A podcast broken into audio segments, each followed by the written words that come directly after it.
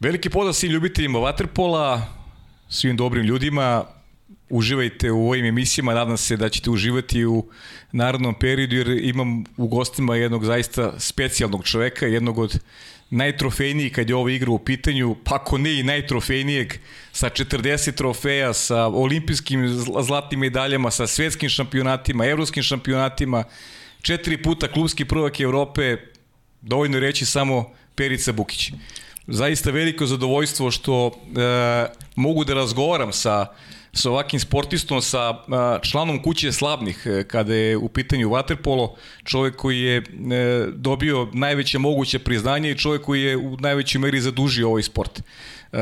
Pričat ćemo naravno o, o njegovoj karijeri, pričat ćemo o reprezentaciji Hrvatske, o tome kako je on kao funkcioner doprinao da Hrvatska e, bude na svjetskom vrhu već dekadu unazad, pa i duže od osamostaljenja i verujem, kažem, da ćete uživati u narednih, pa negde dva sata, ako Perice bude strpljiv, možda i koji minu duže. Perice, veliko poštovanje. Drago mi je da si ovde i kaži mi kako ti se dopada ovaj, ovaj naš ambijent. Pa sjajno, evo, zaista ovaj, lijep je ugođa, lijep ambijent, sve u znaku Waterpola, volim, volim kad pazite na te detalje, sjajno, baš. I hvala na ovim lijepim vodnim riječima, stvarno, ovaj, e, čas mi je i zadovoljstvo me da mogu sudjelovati u ovoj vašoj emisiji. Hvala puno Perice. E, ajde da počnemo od ovih aktualnosti. U Beogradu si trenutno pratiš dešavanja u, u, u regionalnoj ligi, e, kakva je situacija pre svega sa, sa ekipom e, mladosti, koliko si zadovoljan e, tim nekim partijama i ne znam, nekim trendovima trenutnim kada govorimo o, o vaterpolu igri? Pa evo, mi smo ove godine promijenili sustav igranja regionalne lige, mhm. obzirom na jednu zgucnutost, posebno ove sezone kad nas zbog ove pandemije očekuje i svjetsko prvenstvo koje je odgođeno uh-huh. iz 2021. za 2022. Tako da ćemo u petom mjesecu e, nas čeka svjetsko prvenstvo.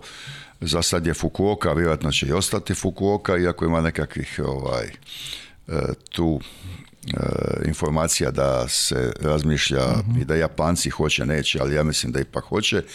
I ono što je nama u Hrvatskoj ove godine sigurno najvažnije, to je Europsko prvenstvo koje smo mi domaćini u Splitu krajem osmog mjeseca pokušat ćemo napraviti jedan spektakl eh, i mi imamo jedno odlično iskustvo iz Zagreba 2010. Mhm. zaista sjajno organizacijski osvojili smo i naslov prvaka Europe slično imala je Srbija 2016. Mhm.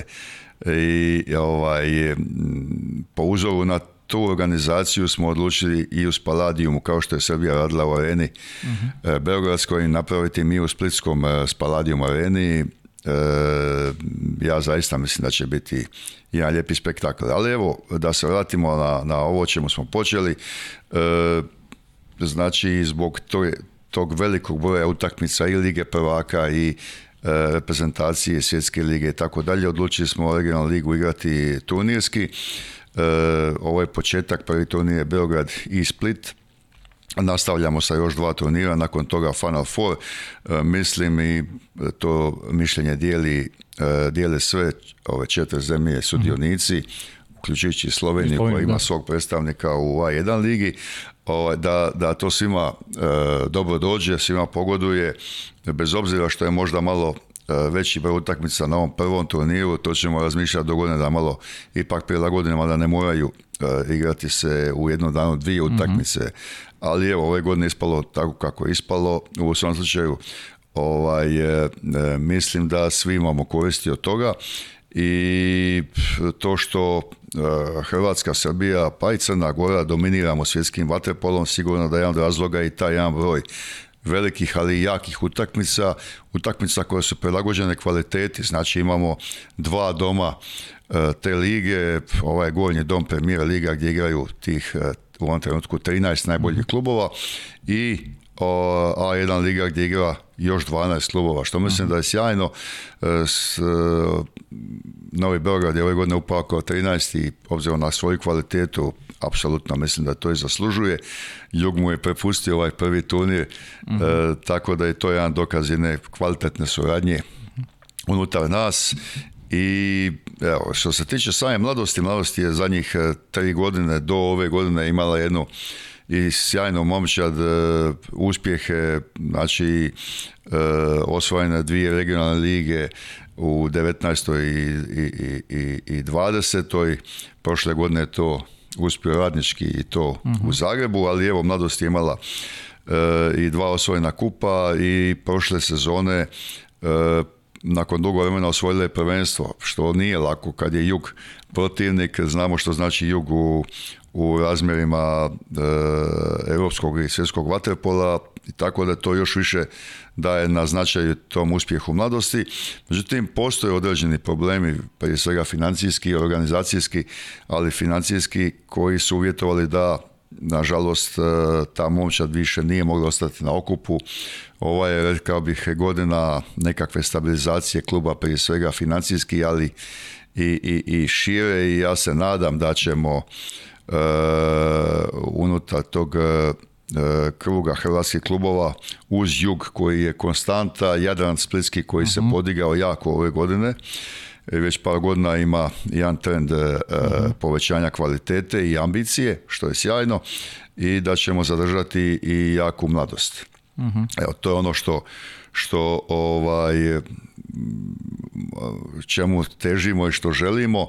Ono što je lijepo za vidjeti nakon svih ovih uspjeha u Srbiji pa da se krenulo u jačanje srpskih e, klubova, znači osim Novog Beograda koji se zaista ekstremno pojačao i e, u startu pokazao ambicije i doma i u regionalnoj ligi, ali svakako i ligi prvaka i sa organizacijom tog fana E, koji nas čeka. E, tu su i radnički koji je zaista jak e, i ove godine, rekao bih, i Crvena zvezda, Partizan, Šabac, znači jedan čitav niz jakih klubova i evo, mislim da, da to ukupno svima nama dobro dođe i posebno u razvoju mladih igrača. uvijek mhm. imate jedan broj tih starih e, igrača koji igraju i za reprezentaciju i ligu prvaka i ovaj, te najjače svjetska natjecanja, najjače utakmice. E, međutim, e, postoji jedan broj fond mladih igrača koji nemaju takav tih takvih mhm. utakmica, nemaju ni prilike na tim najvećim utakmicama imati nekakvu minutažu koja bi e, njima bila e, bitna za njihov igrački razvoj. U tom smislu mislim da ova regionalna liga tama nešto što, što je nije prezahtjevno u smislu rezultata, mhm. a opet nije nevažno i s druge strane ovaj je e, daje jedan fond jakih utakmica, zanimljivih utakmica, izjednačenih utakmica koje su tim mladim igračima jako važne. Uh Perice, e, znam koliko si dao Hrvatskom vaterpolu ne samo kao igrač, nego i kao funkcioner pa si negdje najpozvaniji da pričaš o tome kako si zadovoljan učikom tokom, tokom minulog leta. Govorimo o olimpijskim igrama, govorimo i o ovim e, mlađim selekcijama, naravno kad su mlađe selekcije u pitanju, tu je najvažniji, najvažniji razvoj igrača i ono što će se dogoditi kasnije. E, da li si zadovoljan kakva je perspektiva hrvatskog vaterpola, s obzirom da se priča o evropskom prvenstvu, ne samo u Srbiju i Hrvatsku čeka jedna smena generacije, neki igrači silaze sa scene ili su već išli sa scene, pa mi, eto, oceni mi malo kako si zadovoljan Tokijom i kako vidiš budućnost hrvatskog vaterpola, da li je on na stabilnim nogama kada pričamo o, o igračima, o tim mlađim potencijalima? Pa evo, e, znači od samog početka, tamo kad sam ja preuzeo tada kao predsjednik uh dvije i, i četvrte, nakon olimpijskih igara dvije četvrte sam preuzeo funkciju predsjednika uh Saveza Hrvatske na nagovor mojih bivših suigrača, Milivoj Bebić i Goran Sukno, Zoran Roje. Sjeli smo imali smo jednu, jednih nekih osam godina gdje zaista nismo imali uspjeha, posebno na svjetskim prvenstvima, mhm. olimpijskim igrama. Znači, tamo 98. 2000. 2001. 2002. 2003. 2004. Ovaj, e, I onda smo se sjeli i pokušali smo iznaći nekakva rješenja. E, moj tada prvi uvjet da bi uopće postao predsjednik Saveza, sam sebi sam ja to ovaj, tada složio, je bio dovođenja Ratka Rudića. Jer, mhm. Mislim, e, inače sport funkcionira na tri nekakva temelja. Jedan je organizacija, drugi je struka, treći su igrači. Mhm. Mislim, nikad Eh, Hrvatska pa ni Srbija eh, nisu imali niti vjerujem da će imati problem sa igračima. Mi imamo talente, imamo klubove, imamo jedan broj utakmica koji su kvalitetni. Govorimo o muškom vaterpolu, ženski vatrepo je posebna priča. To ćemo pričamo, ovaj, ali Imamo i razloge. da, kad je muški vaterpolo u pitanju, imamo, eh, kako kaže, know-how, znamo što treba raditi, znamo mhm. kako međutim, e, obično to zapne na organizaciji. Ako to nije posluženo kako treba, ako je to jedna improvizacija, ako je stihija, onda, onda taj rezultat ne može biti kontinuitet. Jer tad smo mi, ovaj, odnosno moj tada cilj je bio e, Hrvatsku ponovo vratiti u vrh svijeta, nakon Atlante tamo od 96. kad smo bili drugi, mhm moje mišljenje tada je bilo i da smo napravili jednu strašnu grešku. Naravno da ja tad kao igrač nisam razmišljao na takav način, jer ja, ja sam prvi prestao nakon Atlante igrati za reprezentaciju, imao sam 30 godina. Svi drugi moji su igrači E, e, hrvatske ta reprezentacije su bili mlađi od mene. Znači, mi mhm. smo rasformirali jednu sjajnu reprezentaciju doslovce preko noći, kao evo doće neki novi pa neko oni igraju. Mislim, mhm. to je u sportu nedopustivo da ti... Mhm. Ovaj, i, I trebalo nam je dugo, dugo vremena da se vratimo nakon po te jedne greške prije svega u organizaciji. Jel, da je neko normalno došao reći ovaj,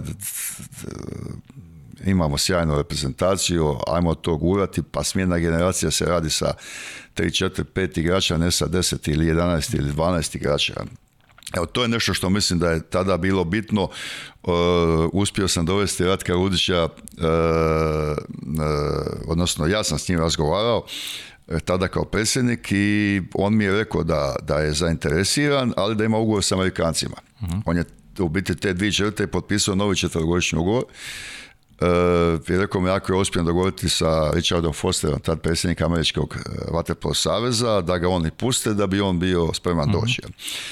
E, međutim, imali smo jednu, ja sam imao osoban, osobno zaista jedan odličan kontakt sa, gospodinom Richardom Fosterom. Nazvao sam ga, objasnio sam mu situaciju i zamolio ga da pusti Ratka, da dođe u Hrvatsku i čovjek mi je rekao otvoreno da imaju ozbiljan plan, tad su napravili za tu 2008. za Peking e, e, baš jednu posebnu pripremu i Ratko je bio temelj toga. Mhm. Međutim, rekao mi ako se on želi vratiti doma u Hrvatsku, da će ga pustiti. Evo, i tu je počela priča i tad smo složili jedan jaki stručni savjet e, gdje su bili svi ovi igrači o kojima govorim moji bivši suigrači i, i dan danas to funkcionira na jednoj zaista kvalitetnoj razini. Znači, e, Savez e, ovaj stručni dio bavi se taj stručni savjet, znači u ovom trenutku to su Ratko Rudić, Milivoj Bebić, e, Zoran Roje, Boško Lozica, Ognjen Kržić, Dejan Savićević i, i, i ja sam predsjednik tog stručnog mhm. savjeta gdje mi zaista, evo, možda tih svih ovih 15 godina E, razmišljamo i, i, i sugeriramo upravnom odboru koja su najbolja rješenja i oko mhm. samih e, natjecanja u Hrvatskoj, regionalnoj ligi, e, što se tiče same reprezentacije, pomoć izborniku, pomoć ostalim trenerima drugih selekcija i tako dalje. I mislim da je jako važno imati 5, 6, 7 ljudi, 10 ljudi, kako ko, ali uglavnom ne previše, koji se e, koji brinu o, o, sportu ukupno i e, koji donose odluke o, ili preporuke, ajmo to tako reći, e, koje su temeljene na, na nekakvom znanju, na struci, na iskustvu i tako. Evo, u mhm. tom smislu uspjeli smo, mi vero, 2007. Ratko je došao 2005.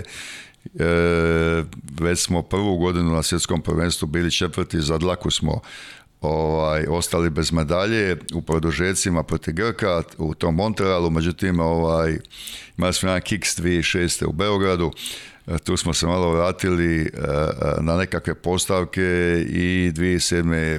se dogodio prvi veliki rezultat, mm-hmm. bili smo prvaci svijeta u Melbourneu i ovaj, i tu je Ratko pokazao ono što, što, što, on nosi sa sobom, osim te jedne gladi za, za uspjehom koje on ima gdje god radio, on je posložio taj jedan način, način funkcioniranja unutar tog stručnog dijela Vatrepolo Saveza. Hrvatske tada u smislu rada organizacije, e, prvo njegovo, prvi njegov zahtjev meni tada kao predsjedniku je bio da, da njemu treba nekih koliko je rekao, deset pomoćnika. Mhm. ko, imaš više pomoćnika nego igrača. ovaj, ali da, on ima, ne znam, dva pomoćna trenera, fizioterapeuta, doktora, kondicijskog trenera, čovjeka koji se bavi analizom psihologa, e, tako da ovaj, e, tu, tu se skupi taj jedan fond ljudi, svaki radi svoj dio posla, e, to već godinama je prešlo na sve ostale, nekad su svi imali, ono, imaš pomoćnog trenera i e, to su uglavnom dva tri, maksimalno četiri čovjeka bila angažirana. E, međutim, to je nekako ostavština još iz, iz onog doba kad sam ja igrao još u Jugoslaviji pa tako dalje. Znači, uvijek smo mi bili neka avangarda ovaj, prije svega, rekao bih, Hrvatska Srbija, pa i Crna Gora je tu mhm. negdje e, e, e, ovaj, u malo manjem obliku, ali na sličan način je taj rad koncipiran i evo, to je jedan ogroman doprinos Ratka, pa smo bili u Zagrebu domaćini Evropsko prvenstvo, osvojili zlatnu medalju i kruna toga njegovog rada je bila 2012. I, i London.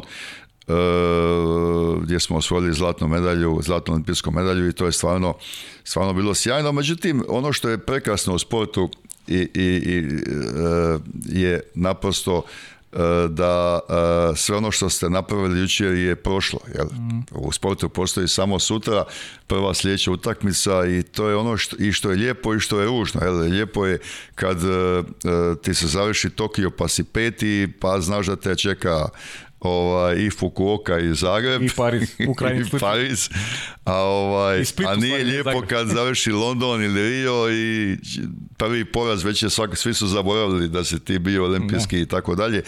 Ovaj, ali evo, kad se nekako podvuče crta eh, Hrvatska je u ovih 15 godina E, mandata ovog upravnog odbora mhm. ja moram pohvaliti te ljude koji zaista e, taj upravni odbor je sastavljen uglavnom od predstavnika klubova znači Dubrovnik, Split, e, Šibenik, Zagreb, Rijeka kao dominantni vaterpolo centri mhm. ovaj, s tim da naravno da, da jug Jadran i mladost imaju jednu specifičnu težinu i sa svojom ulogom i sa ljudima koji, koji vode te klubove i tako dalje ali ovaj, e, e, svakako da je e, ta, ta sinergija i upravnog odbora i stručnog savjeta i klubova po meni pretpostavka za jedan E, dugoročno e, pravi rezultat, veliki rezultat. E, vi kad pogledate, znači 2007. do 2019. na sedam svjetskih prvenstava Hrvatska je osvajala medalje. Znači to mhm. nikom dosta nije pošlo za rukom. Od toga smo bili dva puta prvaci svijeta, jedno srebrni i tako dalje. Ovaj, Fukuoka će biti osma, ako bi osvojili medalju, bila bi osma medalja u nizu na svjetskim prvenstvima. To je, evo, eh, imali smo u nizu dva olimpijska finala, London zlato, Rio srebro. Nažalost, Tokio nam je, nam je pobjegao. Eh, međutim, to je sport. Jeli? Pa Ljudi koji, koji prate sport paušalno ili onako navijački, uvijek očekuju, to je E, ovaj, e, nekako sudbina nas e, iz Vatrepola u Hrvatskoj, a pretpostavljam da je slično u Srbiji, znači kad si drugi na svijetu nije dovoljno dobro. Ovaj, mislim, Vatrepolo pogotovo. Vatrepolo pogotovo, da ali to s jedne strane malo frustrira prije svega izbornika i njegove pomoćnike, vjerojatno i igrače, ali s druge strane je jedan motiv. Znate, vi kad imate taj jedan e, e, ovaj, e, pressing nad, nad glavom da, da se od vas očekuju stalno ekstra Eh, vrhunska ostvarenja, da se priznaje samo olimpijsko zlato, da se priznaje samo eh, svjetsko zlato ili naslov prvaka Europe, onda ti daš još onaj jedan mali, mali korak više eh, da bi to osvojio. I to je isto jedna filozofija koji je Ratko usadio još tamo nama 84. 88. Uh, ako se sjetite, eh, znači final olimpijskih igara 84. u Los Angelesu, mi smo gubili 5-2, na kraju eh, sa 5-5 smo bili olimpijski pobjednici, pa smo 86. u Madridu bili prvaci svijeta nakon 11 produžetaka, pa smo 88. ponovo gubili od Amerikanaca, ovaj, e, p 2 završilo je 6-6, pa smo na prožetke osvojili. Sad bi svako rekao to su te slučajno sreća, ne znam. Međutim, nema u sportu ni slučajno ni sreća. Naprosto, ta jedan ogroman rad koji se uloži, to je ta nijansa koja ti u nekakvom finalu odrede da li je stativa pa korner ili je stativa gol, jel? prečka. Tako da, ovaj, ja, ja volim reći da, da je sport uvijek pošten, i da onoliko koliko, kaže, ovaj, e, što više radiš imaš više sreće tako da e, nekakav e, rekao bih recept za, za ozbiljan sportski uspjeh je prije svega ljubav i strast, jer bez toga ne možeš, ne možeš se neko baviti vaterpolom zbog e, ugovora, zbog novaca. Jel? Mislim, ti mhm. se vaterpolom baviš prije svega zbog jedne ambicije sportske, a normalno da uspiješ e, e, to i naplatiti, tim bolje, ali to nije nešto što vodi i ne bi smjelo biti nešto što vodi. Mm-hmm. Ajde, vraćamo se poslije još malo na, na, na, ove represivne priče koje su vrlo interesantne. Sada, sada si mi dao šlagvor za temu vaterpolo treba da se voli. E, Perica Bukić je šibenčanin i volio je košaku kada je bio, je bio mali. E, kažu da je bio talentovan. To je ono vreme i Dražana Petro, Petrović koji je ono najveći e, verovatno na novim prostorima. E, koliko ja znam, neki problem sa leđima je postavio, tako je, kad je bila kad je pa da, da, da, ja sam počeo košarku, e, držanje 64, ja sam 60, pokojni dražen, ja, mhm. ja sam 66, znači on je neki godinu i pol dana bio stariji od mene i, i nekako smo se preklapali, e, nije nas bilo baš previše iz Šibenika, mhm. ali, ovaj, ali smo bili dobro, dobro posloženi, dobro raspoređeni, kažemo mi to, mhm. u šali, jel? Ovaj, u svom slučaju on je meni pomogao u tim eh, mojim početcima, bio uvijek nekako korak ispred i naravno košarka je jedan drugi sport potpuno ono, neusporediv s vaterpolom, pogotovo sad današnje nekakve perspektive kad je NBA svima nama ovaj, doma u kućama, u to doba nije baš bilo tako.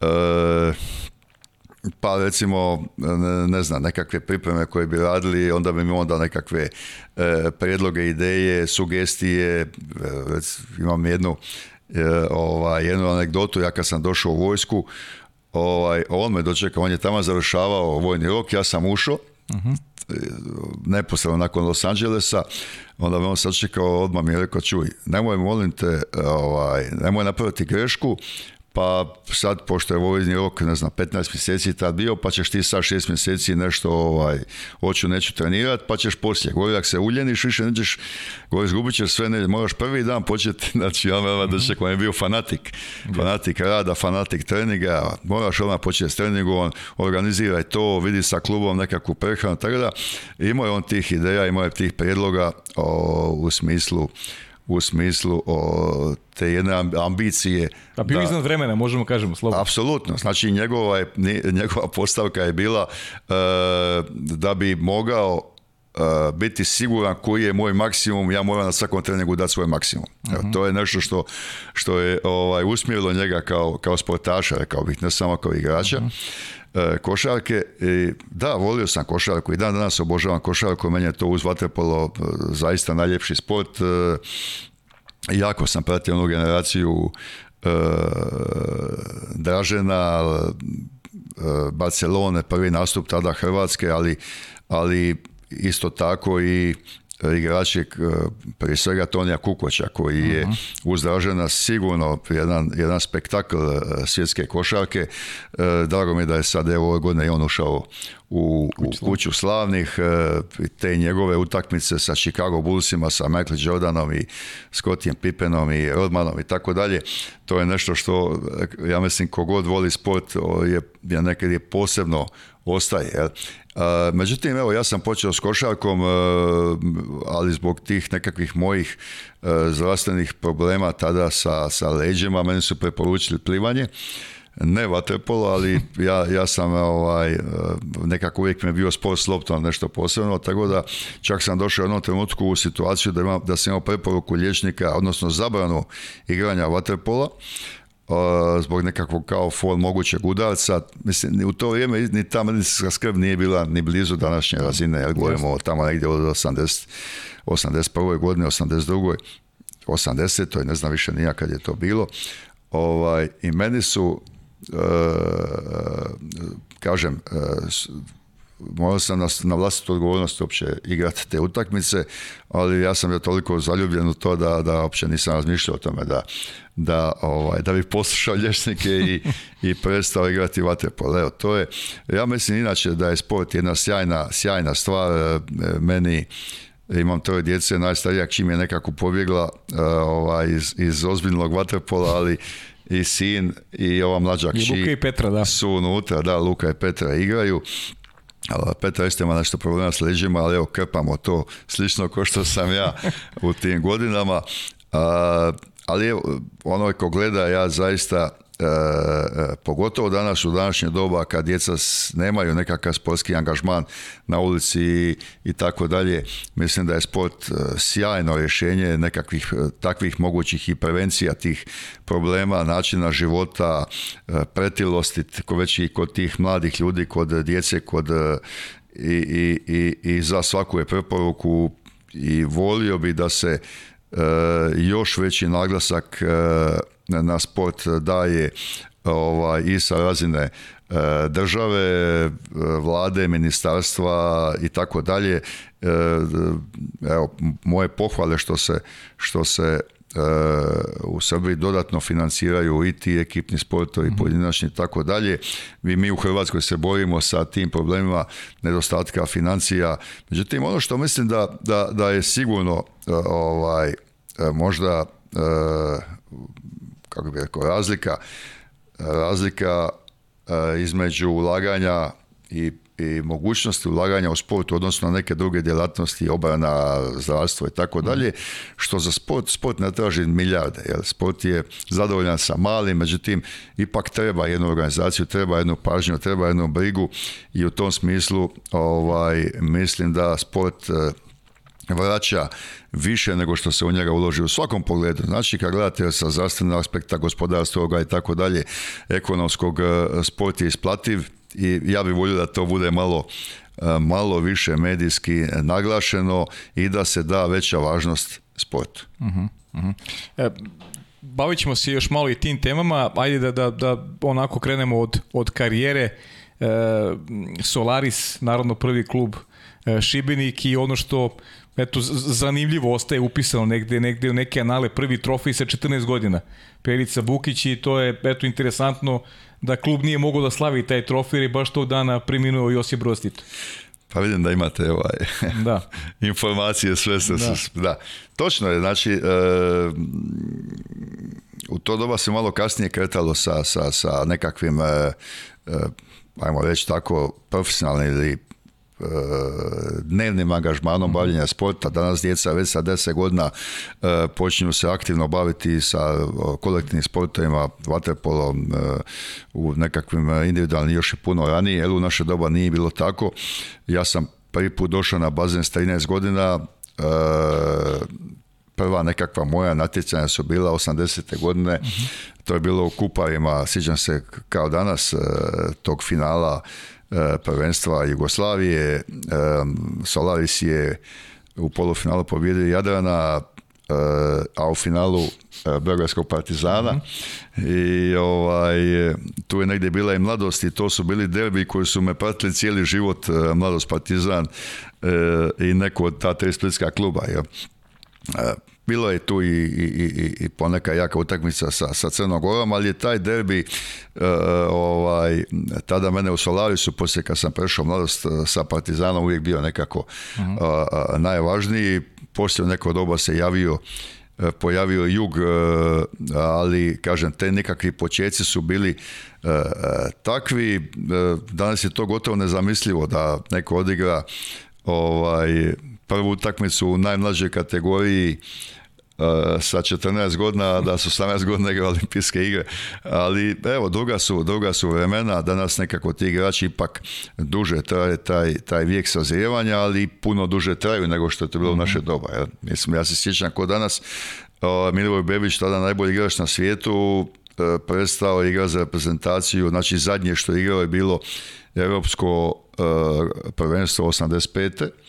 86. je pred svjetsko prvenstvo e, slomio prst i de facto on tada sa 27 godina je već prestoji igra za reprezentaciju. Mm. Dakle, vi danas imate igrače sa 27 godina koji tek ulaze u nekakve svoje najbolje igračke mm. godine i, normalno igraju sa 33, 34, 35, onako vrlo ozbiljna vaterpola. Tako da dosta toga se promijenilo, mislim da je tu prije svega nekakav taj background svega eh, od tih fizioterapeuta, načina prehrane, dodataka prehrane, eh, uopće načina života tako da, ovaj, druga su vremena, ali u to doba je mene to bilo onako e, nešto sve vanzemalski, jel, na jednom, mhm.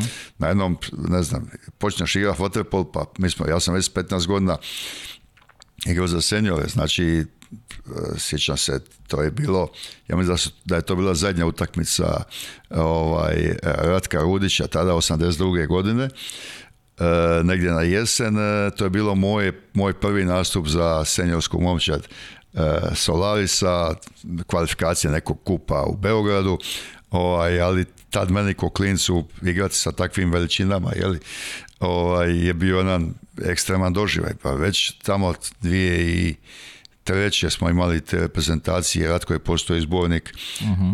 i prve medalje u juniorskoj kategoriji za, za, za tadašnju Jugoslaviju i Europsko prvenstvo smo bili srebrni i svjetsko prvenstvo smo bili srebrni i tu je Ratko Rudić ovaj, povukao Igora Igora i mene u senjorsku prezentaciju, mhm. što je meni bilo onako, baš ovaj, evo, nešto vanzemaljski. Mhm.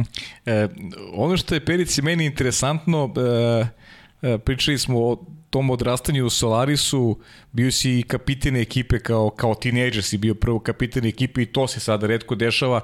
Mislim, sada se i dešava, ali uglavnom igraju tineđeri, pa normalno da, jedan tinejdžer bude da bude kapitan ekipe, ali si ti pre u Zagreb, ti si, ti si bio na pola puta, ti si imao i ponudu Partizana, ako, si, ako, ako, ako se ja dobro informisan. Da si ti bio negde između, da li ćeš u Beograd ili u Zagreb? Pa u principu nije bila dilema Beograd-Zagreb, nego je bila dilema Beograd Solaris. Gavrili Solis, Da, Solaris je tad bio jači od eh, mladosti, odnosno te nekakve moje zadnje godine eh, smo se za prvaka Jugoslavije borili Solaris i Partizan. Mhm. Ovaj, eh,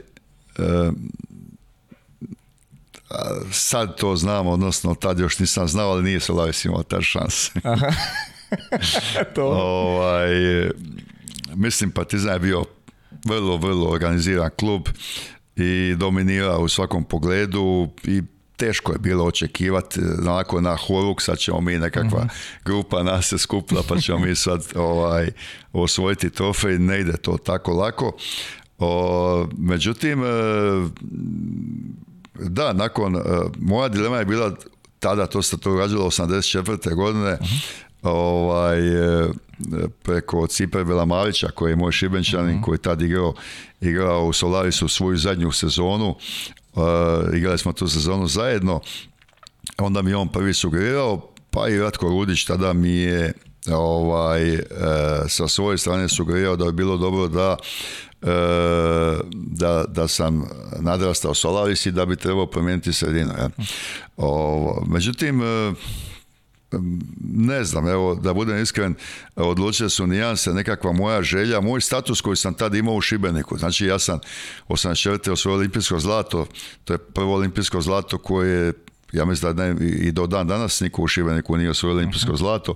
Ovaj, mene je dočekao cijeli grad, nose se mene na ramenima, moje slike su uvisile u kafićima, znači jedan klinac od 18 godina doživiš nešto ono, ovaj, e, ekstremno i sada ja idem iz tog Solarisa koji me drži doslovce kao, kao mala vode na dlanu da ja bilo gdje odem e, evo naprosto nisam, nisam se odlučio na taj korak uh Partizan je nosio jedan igrački napredak međutim E, ja tad kakav sam bio mladi naivan, ja sam mislio da sam ja tad već ono, dosekao sve ove hunce i da ja nemam što tu.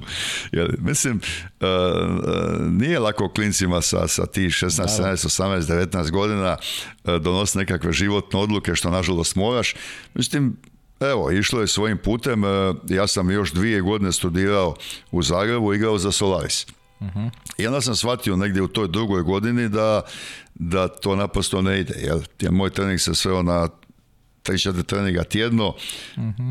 i da nisam imao Ratka Rudića koji nas je stoji između 100 i 120 dana gazio ovaj, za te pripremne prezentacije što su meni u biti bile e, bili trenizi s kojim sam ja igrao cijelu godinu ovaj, ja sam shvatio na ovom trenutku da, da naprosto ovaj, e, moram prekinuti taj način e, i poklopilo se sa univerzijadom u Zagrebu, novi bazen, e, jedna velika ambicija mladosti i evo, tu sam se našao u toj priči. E, mladost je nakon toga e, bila Eh, već 88. 89. Ja sam prešao 87.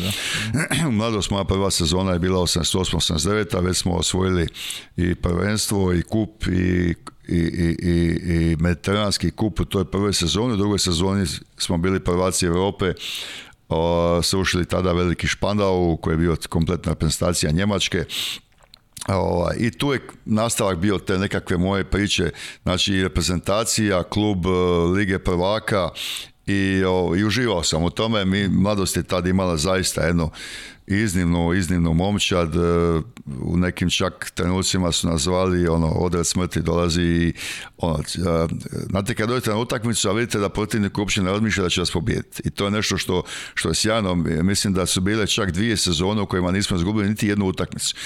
Ovaj, i, to kad doživiš, to je ono, jedna, jedan poseban osjećaj, tad sam već imao i neke godine, ono, 22, 23, 24. Kako to zvuči sad neke godine? Da, da, da. vanje ima sad.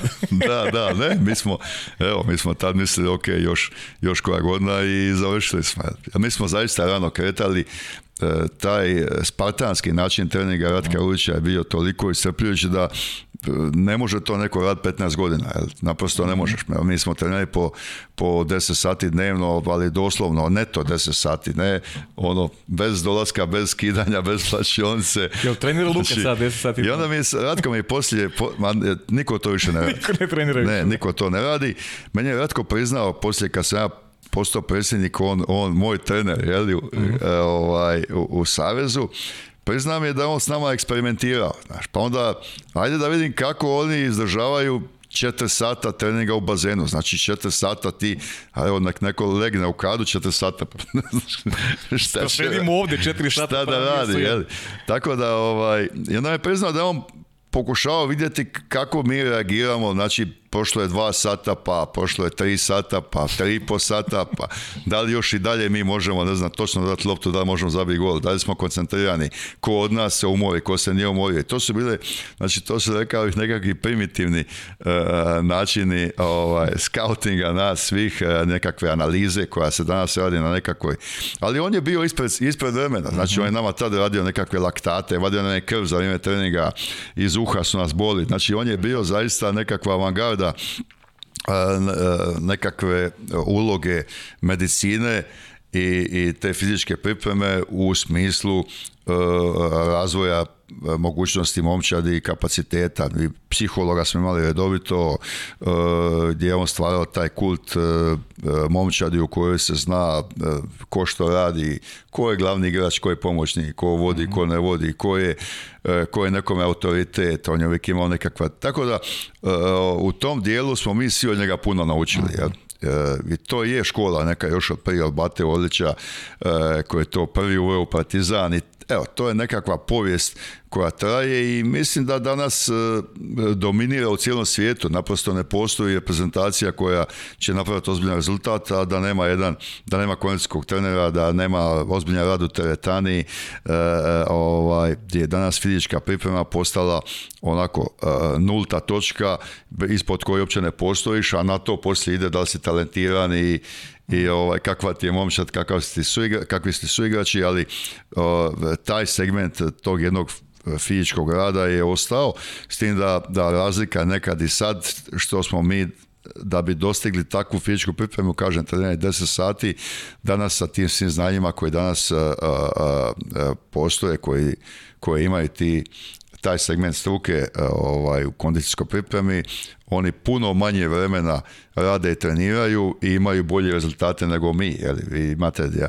ja sam tad plivao ne znam, 100 metara sam plivao 55 sekundi, e, i bio sam najbrži tada u našoj u toj reprezentaciji i plivao sam e, jedini, ja mislim, ispod dva minuta 200 metara, a danas, e, ne znam, imate od 15 e, igrača u prestaciji imaš više, od pola ih pliva ispod mm dva minuta na, na, na 200 metara, jel? tako da, a treniraju značajno manje nego mi, jel? tako da, vrijeme je otišlo u tom segmentu, ono što, ono što se je izgubilo, nešto što smo mi imali, a mislim da je to nešto što na čemu će trebati buduća struka raditi prije svega vaterpolo treneri mhm.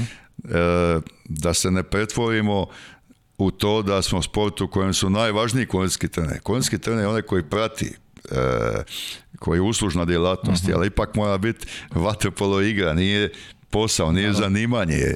E, sad tu je nešto što oni danas nemaju ti klinci, to je ulica, to je nogomet, košarka, basket, e, gdje smo mi to 10-12 sati dnevno igrali basket, to vi danas nemate. I to je mhm. nešto što, što nedostaje u današnjim igračima, ta jedna lucidnost, e, mhm. e, e taj jedan fond sati E, bavljenja sportom e, onako zabavno bavljenja sportom. Znači da ti nekog predriblaš, da ti nekog uh e, mhm. prevariš, da e, to je nešto što, što smo mi imali u to doba. Danas je to značajno manje sve nekako šablonizirano.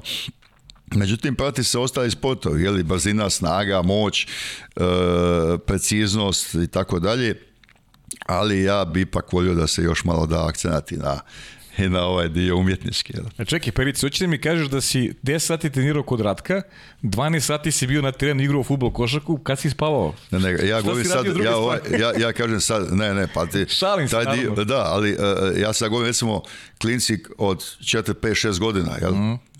A pa mi smo, mi smo svi u to doba bili na ulici bavili se pa, potom godina. Ja vi, danas, vi e, danas dobijete dijete koje dođe sa 10 godina na bazen i on, čovjek, dijete ne može, e, ovaj, kad, kad izlazi iz autobusa, gleda kako će izaći iz autobusa, ne može preskočiti stepenicu od, od, od 30 cm. E, nikad se nije popilo na stablo u životu, nikad nije vozilo biciklu, nikad nije igralo basket na cesti, nikad nije, mislim, to, to su nekakve stvari koje su naprosto takve, jer danas mhm. djeca se bave sa, sa, mobitelima, kompjuterima, e, ovaj, doma su, gledaju televiziju, gledaju po, po, satima nekakve Netflixe ili ne znam što mhm.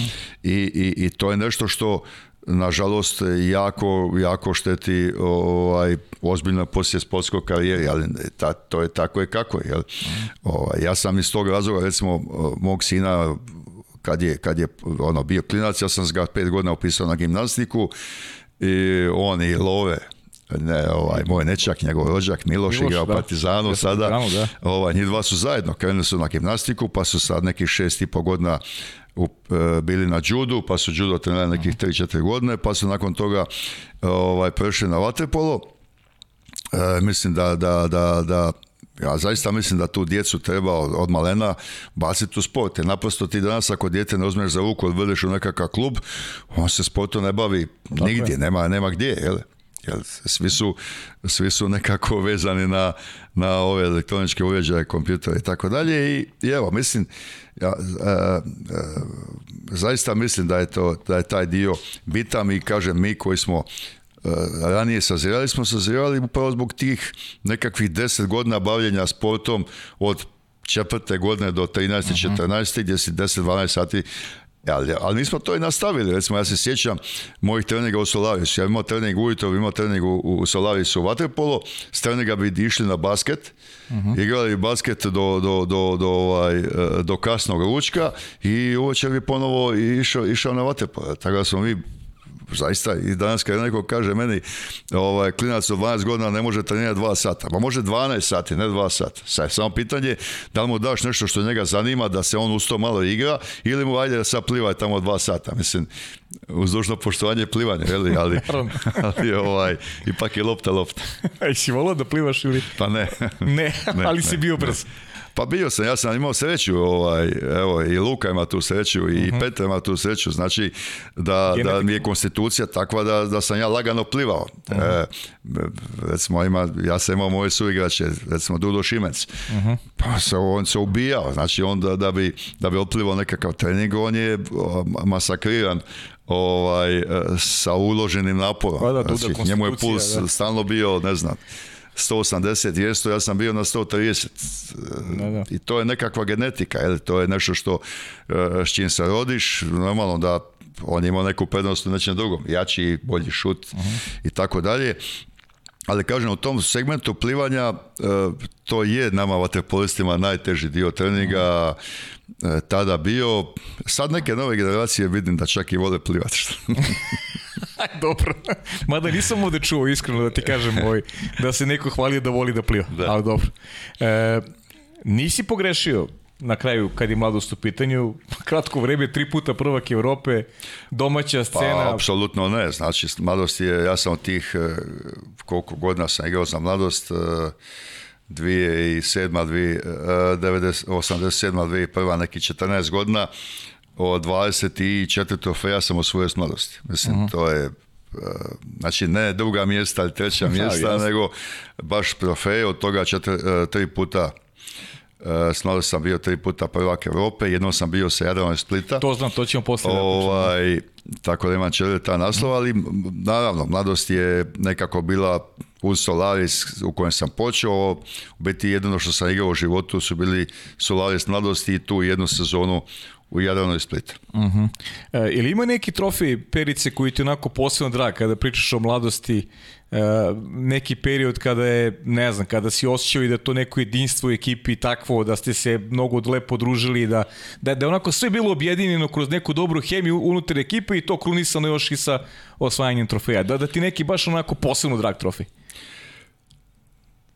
Pa to su vam ko djeca, sad kažeš ko ti je djete draže, da, to je draga, ovaj, ali se nosi svoju, kako bi rekao, svoju priču. Znači, taj prvi trofej e, naslova prvaka Europe protiv Špandao je nezaboravan. Isto kao što mi je Los Angeles nezaboravan mm kad govorimo o reprezentaciji. Jeli. E, međutim, meni recimo najdraži trofej u odnosu na nekako e, i dob kojem sam bio, to je bilo 96. Mladost Lipe što na finali Lige prvaka. Mhm.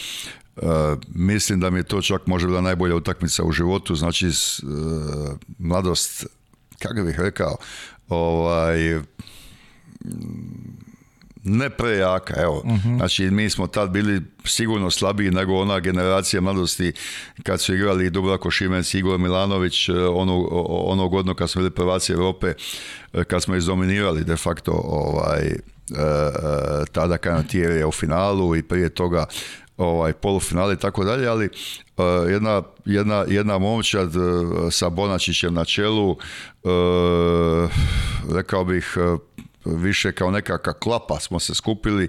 Ovaj, Školneković na golu bio je, bio je sada je zaista van serijski golman. Inače mislim da je golman često kažu Goma je pol, pola ekipe i ja zaista mislim da to nije floskula. Jel? uh Vi ne možete e, naći da je neko osvojio nekakav veliki trofej, a da Goma nije imao svoj dan, da nije bio među dva, tri najbolje igrača. To naprosto uh ne postoji. Znači, ako i u tom segmentu je mladost bila tada prije, sa Vičanom i sa Školnekovićem zaista pokrivena. E, Zdeslav Vrdoljak e, desno, ja sam bio lijevo, Tino Vegar i u biti oko nas klinci, jel? I, i mhm. e, s druge strane Ujpe Štona, mađarski prvak koji je tada imao i Benereka, najbolji igrač na svijetu možda ovaj, ili svakako među najboljima Kašaš također e, Dala Vince i tako dalje jedna sjajna generacija Mađara oni su e, rekao bih već prije finala proglasili sebe pobjednicima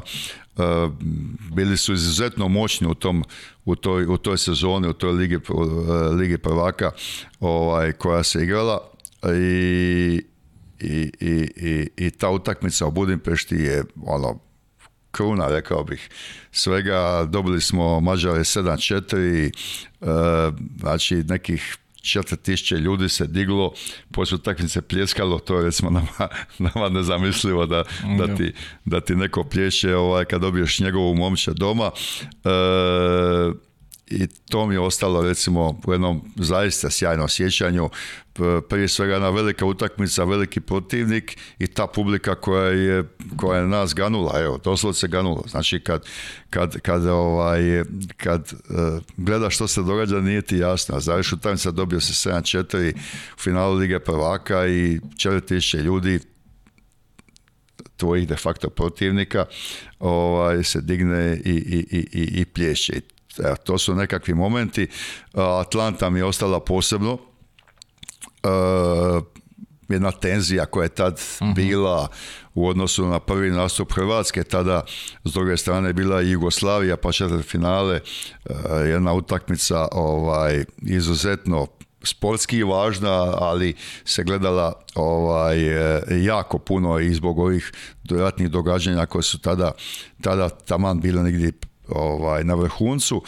E, izuzetno jaka Italija sa Ratkom Rodićem u polufinalu i meni jedan veliki žal, evo ako mi je išta žao u životu, žao mi je što nismo dobili te Španjolce u finalu Atlante, e, to, to nikad neću prežaliti. Ja ne znam kako se osjećaju ljudi koji recimo osvoje tri olimpijska Srba mislim da, da moraju se ono, Eh, ja imam dva zlata i to se evo mi stoji stalno nekako... Mhm, kao, kao neki balast, da.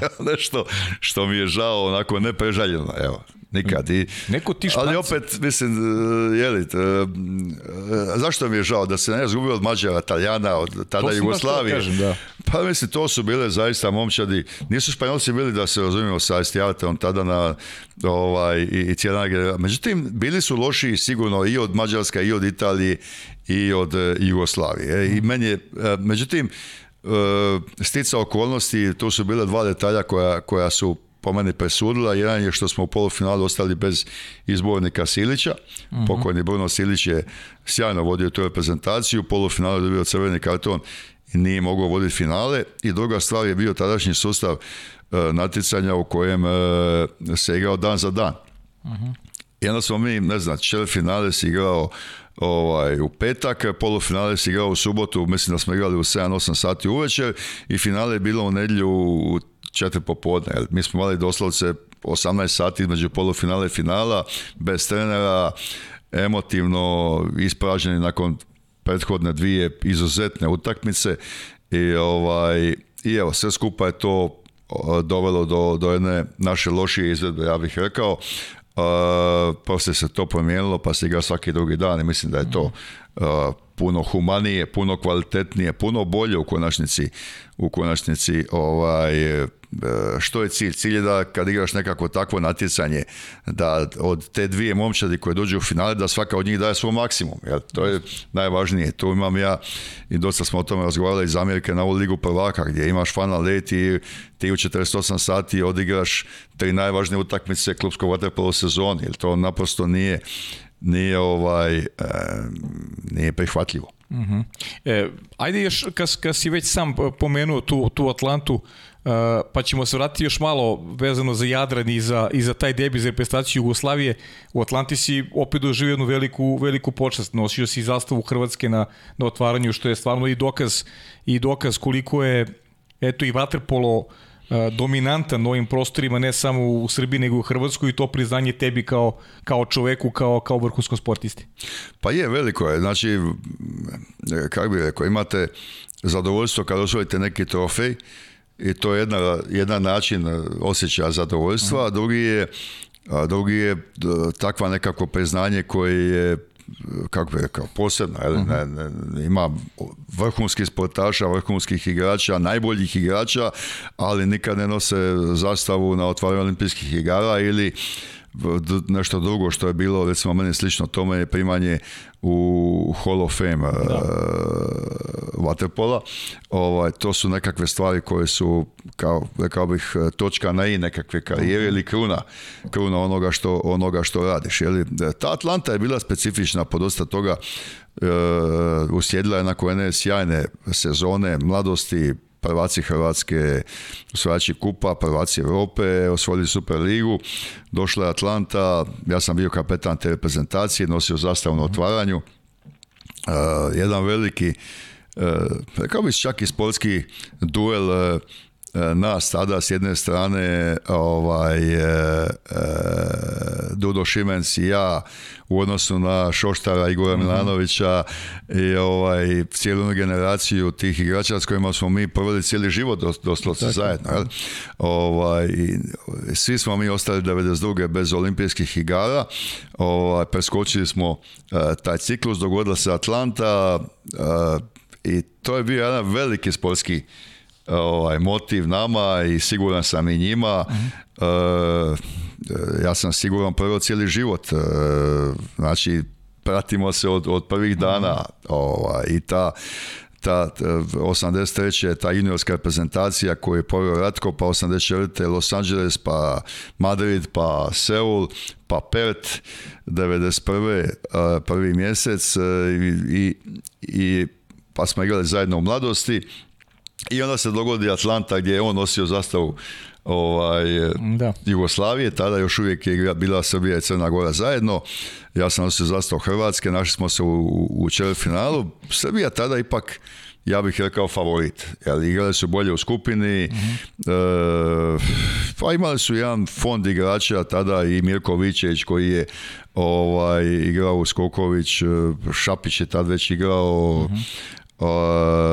Vlada Vujasinović, znači jedna sjajna, sjajna reprezentacija, ovaj, e, i Viktor Jelenić, e, tako da nije, nama je to bilo onako, e, nije bilo, nije bilo jednostavno odigrati takvu jednu utakmicu, mhm. A Eh, očekivalo se od nas eh, rezultat, očekivao se uspjeh, mi smo sami od sebe očekivali eh, rezultat. Tako da, evo, to je nešto sigurno što, što, što ima svoje mjesto u nekakvoj, to je moj mojoj riznici nekakvih mojih uspomena.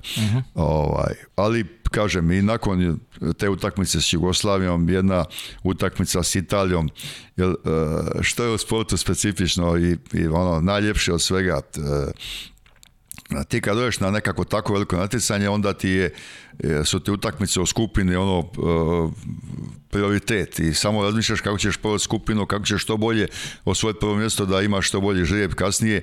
Onda te čeka čel finale gdje je u biti cijeli život u tom čel finalu. Onda kad će osvojiš, dobiješ čel finale, onda shvatiš u principu da nisi nigdje, jel? Mislim. ovaj, I onda ti utakmica polufinala tako da ti ti igraš za sebe de facto. Jel? Ti je kad osvojiš, kad pobjediš polufinale, ti si već u finalu, imaš srebro u džepu i boriš se za zlato. Jel? I kad dođeš u finale, onda stoji uvijek, ono, ja ću vam reći moje iskustvo, znači, e, e, mi kad bi osvojili srebro, uh, mene niko ne bi čestitao.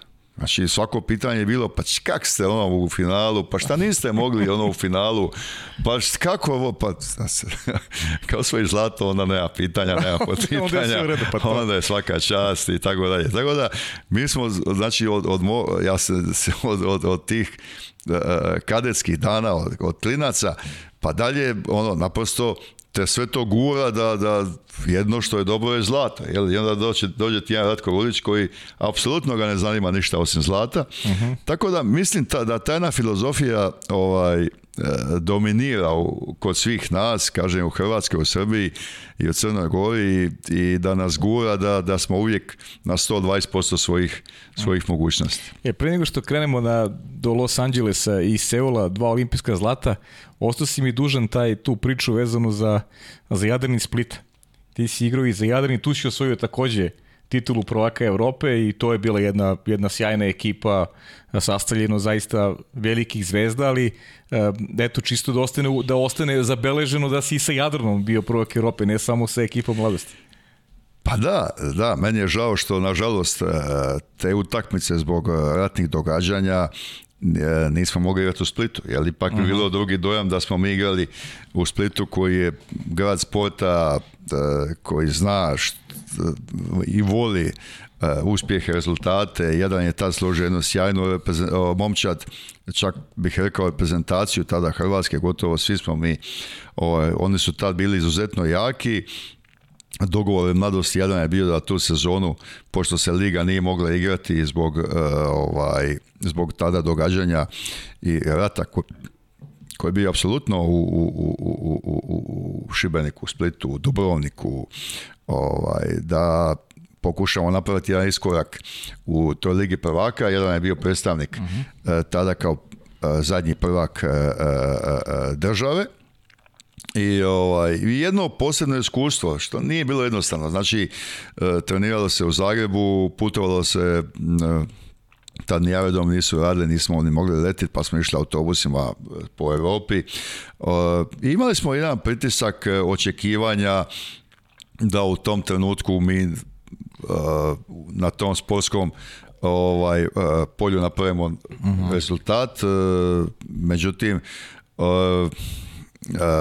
kako bih rekao, E, e, toliko je tu truda bilo uloženo od tih šest mjeseci e, nekakvih odricanja. Znači jedna apsolutno jedna ovaj neobičajna situacija, jedan ekstreman trud i zalaganje svih nas. Neven Kovačević nas je tada vodio, tada je bio mlad stručnjak ovaj, i, nije bilo to lako posložiti jedno već uigrano, koncipirano momčad i sad nam put ubaciš tu Šimenca i, i mene E, kao pa dobrance i e, ajmo igrat. Znači, bez jedne ozbiljne utakmice pripremne, bez, bez ičega. Jel? Tako da, ovaj, međutim, bili smo, rekao bih, e, prejaki u tom trenutku da, da bi se to osjetilo u konačnom rezultatu. Iako je Savona tad imala sjajnu moć, ovaj,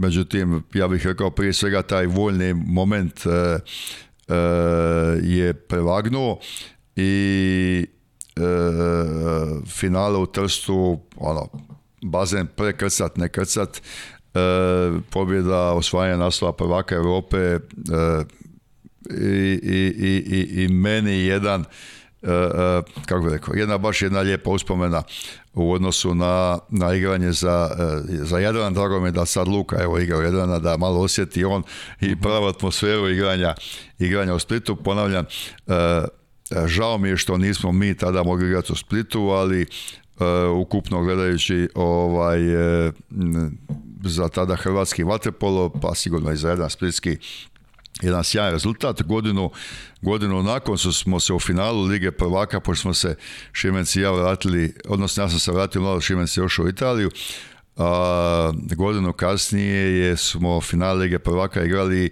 Mladosti Jadran Splitski. I to je, to je meni isto bilo onako ovaj, jedna velika žal. Mi smo čak tada pobijedili Jadrana ovaj, e, e, u Splitu, odnosno pobjedili smo u gol razlike u Zagrebu. U Splitu sam ja zavio gol za, za izjednačenje koji je poslije se otvrdilo bio regularan, ali mi ga suci tad nisu mhm. priznali, jer su utvrdili tada da je, isteklo vrijeme, da sam ja pucao ovaj, prije zvižduka, mhm. onog zadnjega, u principu ne, ali je tak je to u sportu. Ide u prožecima jedan pobjedio, osvojio taj trofej, ali eh, jedna velika dominacija tada E, hrvatskih klubova, mislim, ja uopće ne znam da li je moguće danas zamislite da u finalu Lige prvaka igraju e, dva kluba iz iste države u odnosu na snagu i prva reka Olimpijakosa, Barcelonete, Ferenc Varoša, e, Jug, Novi Beograd, Jadran, Radnički, mislim imate klubova E, zaista, zaista breša. Mislim, koji igra se bolje i bolje. Znači, proširila se ta kvaliteta, što sigurno za Vatepol dobro. Mm. E, Perice, kaži mi kakvi su bili ti Igorovi dani u Zagrebu? znam da se mnogo družite, da ste, da ste dobri prijatelji. Svašta se onako pripričava se, pa ovaj, kako, je to, kako je to bilo u praksi, to vaše druženje i... Pa Igor je donio jednu kvalitetu više, mhm. inače Igor sigurno spada u taj krug pet, šest najboljih igrača svih vremena. Sad je to pitanje ko koga voli. Znači, Farago, Estijarte, Milivoj Bebić, Igor Milanović, Benede Kašaš, to su igrači, Vujasinović, Šapić, e, e, svake generacija da nekoga, međutim Igor je sigurno bio dominantan e, u, u toj svojoj karijeri. Mi smo pobjedili Partizana godinu ranije u finalu.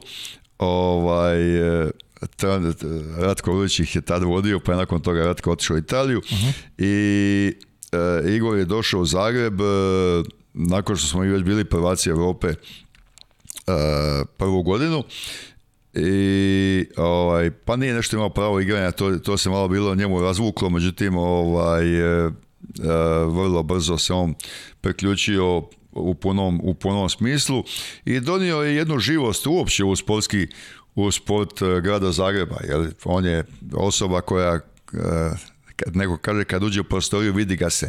On kad dođe u grad njega se vidi. Tako da ovaj, e, i mi smo prije svega u bazenu uvijek sjajno funkcionirali. E, nadopunjavali smo se Eh, on je bio izraziti napadač, eh, mhm. gol igrač, eh, uživa u tome. Međutim, bio je i igrač koji je jako dobro razumio kad ići na gol, kad ići na isključenje, mhm. kad ići na, na, na na penal. Jel? Ovaj, vrlo korektno odigrao obranu s tim da ipak on je bio prije svega orijentiran na napad, ali nije on zaostao Plivački vrlo korektan u radu, uvijek personalan. I to je on donio i, i u mladost. E, e tu smo imali jednu, jednu sjajnu sezonu u kojoj smo bili prvaci Europe. i, e, nakon toga on otišao van, je bio u Španjolskoj, bio u Italiji. E, I ostavio se možda i, i malo prerano, ali ali u svom slučaju ostavio ogroman trag. Uh sad dođemo do tog Los Angelesa. E, se za emisiju, znam da si, da si bio negde u Švajcarskoj u to vreme kad je, kad je došao poziv i ono što mi je interesantno koliko može da bude e, za mladog čoveka, koliko može da bude e, stresno kada mu imputiraju neke stvari vezano, pričao si vezano za, i za Luku, koliko je balas prezimena i toga da si mu ti otac, tako su i za, i za tebe dovodili onu u vezu sa Antom Lambašom. Znam da je, da je bila priča i ti si trebao u stvari da se boriš i sa sobom i da se boriš protiv tog pritiska, ali naravno da si sve to uspio da, uspeo da prebrodiš i pokažeš koliko si veliki. Pa ja moram priznati, ja nisam imao taj, taj pritisak. Uh ja sam za te priče o Anti Lamp, pokojnom Anti koji je bio predsjednik i Fine i Lene i jedna velika e, e, osoba, ličnost e, svjetskog vaterpola, ja sam zato doznao tek poslije. Mhm. Nisam ni, mislim, nisam da se priča ovdje. Ne, da nisam, mhm. te konotacije. Ja, ja ovaj, e, pokojno Lambašu nisam ni upoznao do, de mhm, facto do, do odlaska u Los Angeles. E, I on je živio u Beogradu, cijeli život bio tu. I, ovaj, međutim, Uh, uvijek su te nekakve uh, konotacije, I sad, ja sam uh, naime prvi trener koji je pozvao e, Igora i mene reprezentaciju, seniorsku je bio a, Milan Akić. Mhm. To je bilo 83. i to je ta anegdota gdje sam bio e, u Švicarskoj na skijanju kod e, rodbine, kod moje tete i u Davosu uđemo nekakav ovaj, e, u nekakvu sam poslu kupujem nešto bez veze i nabacam na sportske novosti i, i, i pogledam te sportske novosti i Milan nakić pozvao reprezentaciju pripreme na Košutnjaku, to je bilo za, sad ćemo reći, to je bio prvi mjesec 83. Znači, uh -huh. ja, 83. koliko sam ja ima? još nisam imao niti 17 godina. Mhm. I ovaj, i pozvanje pripreme, ja se to sjedim, znači to mi je uvezano u mozak, ili mhm. Krivokapić, Bebić, Bukić, sad ja počitam, ali će ne kužim da sam ja. Jel. Koji Bukić? sad ja gledam šta piše. I, ovaj, I poslije zove mene u klubu, ja govorim, mislim, vidi u novinama da, da su pripremljene prezentacije, to je trebalo biti, ne znam, za 15 dana. Ja nemam pojma, ja skijam u Davos I ovaj, mene govori, da, da, došao je poziv, meni niko uopće iz kluba nije ni jedna sam tamo našao neki bazen trenirao tih još 7 dana plivo, tamo mhm. spremao se za te pripreme, ali jedna sjajna anegdota, ja dođem u taj košutnjak e, na pripreme, Ratko Lulić je tad bio izbornik juniorske reprezentacije i pomoćnik Mili Nakić. I, ovaj, sad Mile Nakić nas okupi, kaže, mi smo bili, Igor i ja smo bili daleko, daleko tamo najmlađi i on nas kupi i, kaže ujutro je trčanje, ne znam, sedam, teretana je osam, Sad ja gledam, sam ja došao sa lavica ja nisam u životu imao suhi trening, nemam pojma koje trčanje, kakva teretana. Pa imate opremu. Pa ja govorim, ja nemam ništa, ja imam kupače. Ovaj, Sada kajem, u koje doba smo mi igrali. Ja, o, I govorim, mene Mile Nakić ili nađe tenisice i ovaj, opremu za, za suhi trening ili doma. Šta, sam došao bez... Jedan mi je Ratko Ludić dao, dao svoje tenisice i svoju opremu, on ima tri broja manje tenisice, ovaj, ali šta to značilo, jel? što je 44, ja nosim 46, Ovaj, tako da, ima tih anegdota iz tog doba, u svom slučaju, evo, to je nekakav moj prvi dodir, te 83. naravno da Igor i ja nismo igrali to je Evropsko prvenstvo, nakon toga Evropsko prvenstvo je je Ratko Ulić izabran za novog e, e, izbornika reprezentacije tada Jugoslavije i e, ja sam dobio već tada informaciju da on vrlo ozbiljno računa na Igora i na mene i za odlazak u Los Angeles. Mhm. I evo, to je nešto što, što, što sigurno da te usmjere u, u nekakvom životnom pravcu, jer ja sam, ja sam prije tog Los Angelesa na turniru u Budvi dobio sam prehaz za najboljeg strelca e, i za najmlađeg igrača turnira. U, u Budvi bila smo tada Jugoslavija, Italija i ne znam ko još bio, da li Mađarska, da li Španjolska, ne, sjećam se. U svom slučaju, tad sam upoznat Đanja de Magistri sa je mhm. prišao tako, i ko klincu tada i, i, i, ovaj, nešto mi je rekao lijepo uvezi te utakmice i sad nakon tog turnira pripreme u Kikindi i na jednom treningu ja dobijem udarac i pukne mi, pukne kost na ruci.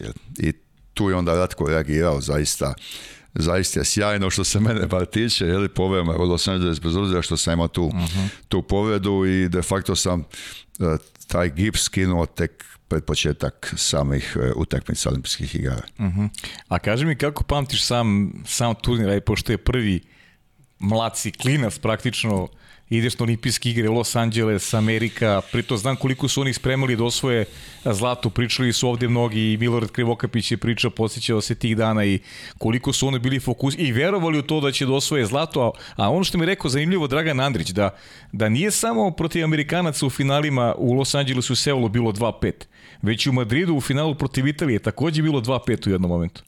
I to negde pokazuje i tu taj neki Ratko princip i, i negde i vašu neku mentalnu zrelost da, da, da se izdignete i kada, kada stvari ne idu najbolje. U Waterpolu u to vreme vratiti se sa 2-5 nije bilo tako lako kao pa, sada kada je brži, mnogo brži napad. Pa ne samo to, danas imate 30 godina po utakmici. da. 15, 13, 14, 12, 15, 12. Mislim, mi smo igrali finale Amerikanaca u Los Angelesu 5-5, u, u, u, u Seulu 6-6, jel? tako da to je užasno mali broj golova i sad kad ti počneš na polu utakmice gubiš 5-2, nije to lako stići. Međutim, e, baš konkretno što se tiče tih utakmica koje smo mi igrali, ono, ono što je tu specifično Ratkovo, to je jedna fenomenalna e, kontrola svega što se događa na bazenu.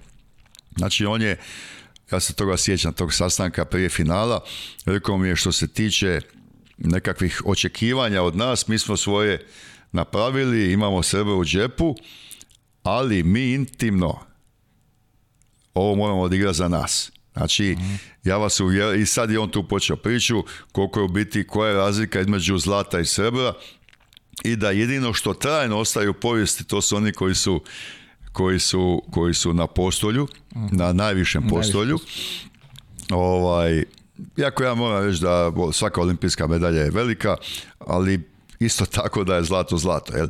I e, e, u, u, trenutku tog tih 5-2 na četvrtini ovaj, e, nešto je rekao taktički što, što i onda pošao je, pošao je prema klupi, vratio se i samo je rekao ovaj, u jednom trenutku, uh, ej, nemoj se da izgubimo ovu utakmicu. Ako, by the way, kao, igramo tamo protiv nekog ovaj, Ugande, nemam pojma. Znaš, ono, ono pun samopouzdanja, 5-2, ali to je pitanje trenutka kad ćemo mi to mhm. uhvatiti, kad ćemo mi to prestići, kad ćemo mi to pobijediti. I to je on imao isti takav stav je imao i protiv Italije u Madridu, isto takav je bio i, i u Seulu, mi smo Seul počeli sa porazom od Amerikanaca, ovaj, mhm. jedna užasno teška utakmica protiv Mađara, znači nije to išlo eh, ono po, po, kao po špagu, ali eh, u svakom slučaju eh, ta jedna njegova posvećenost, odnosno orijentirana se isključivo na zlato je prešla na nas igrače i ovaj i to kažem u tim trenucima kad se lome utakmica, kad je svaki blok bitan, kad je svaki pokret bitan, na kraju donese nekakvu prevagu, koliko god mala bila, ali je, ali je u konačnici najveća, je li, u konačnici ti. I najslađe su utakmice koje pobjediš ovaj, u zadnjim sekundama, na prožetke i tako dalje. To je nešto što ti ostane još duže u sjećanju, još, još ljepše pamtiš takvu utakmicu nego kad, ne znam, finala dobiješ 7-3. Ok, ali da. E, iako je sportski veći uspjeh, ali, ali te nekako utakmica, dakle, ne znam, 10-11 produžetaka, svi pričaju o tom Madridu. Jel, bilo je još zlata, postao Madrida milion, ali ovaj, ta Madrid je ostao ono specifičan do, do krajnjih granica u smislu mhm. e, tog rezultata koji je bio neizvjestan, neizvjestan, neizvjestan, neizvjestan, neizvjestan i na kraju mi je Perice, ovo je 68. emisija. Znaš koliko ljudi mi ovdje rekli, gostiju koji su na kraju napravili velike karijere, da im je Madrid bio okidač da počne se baje vaterpolom?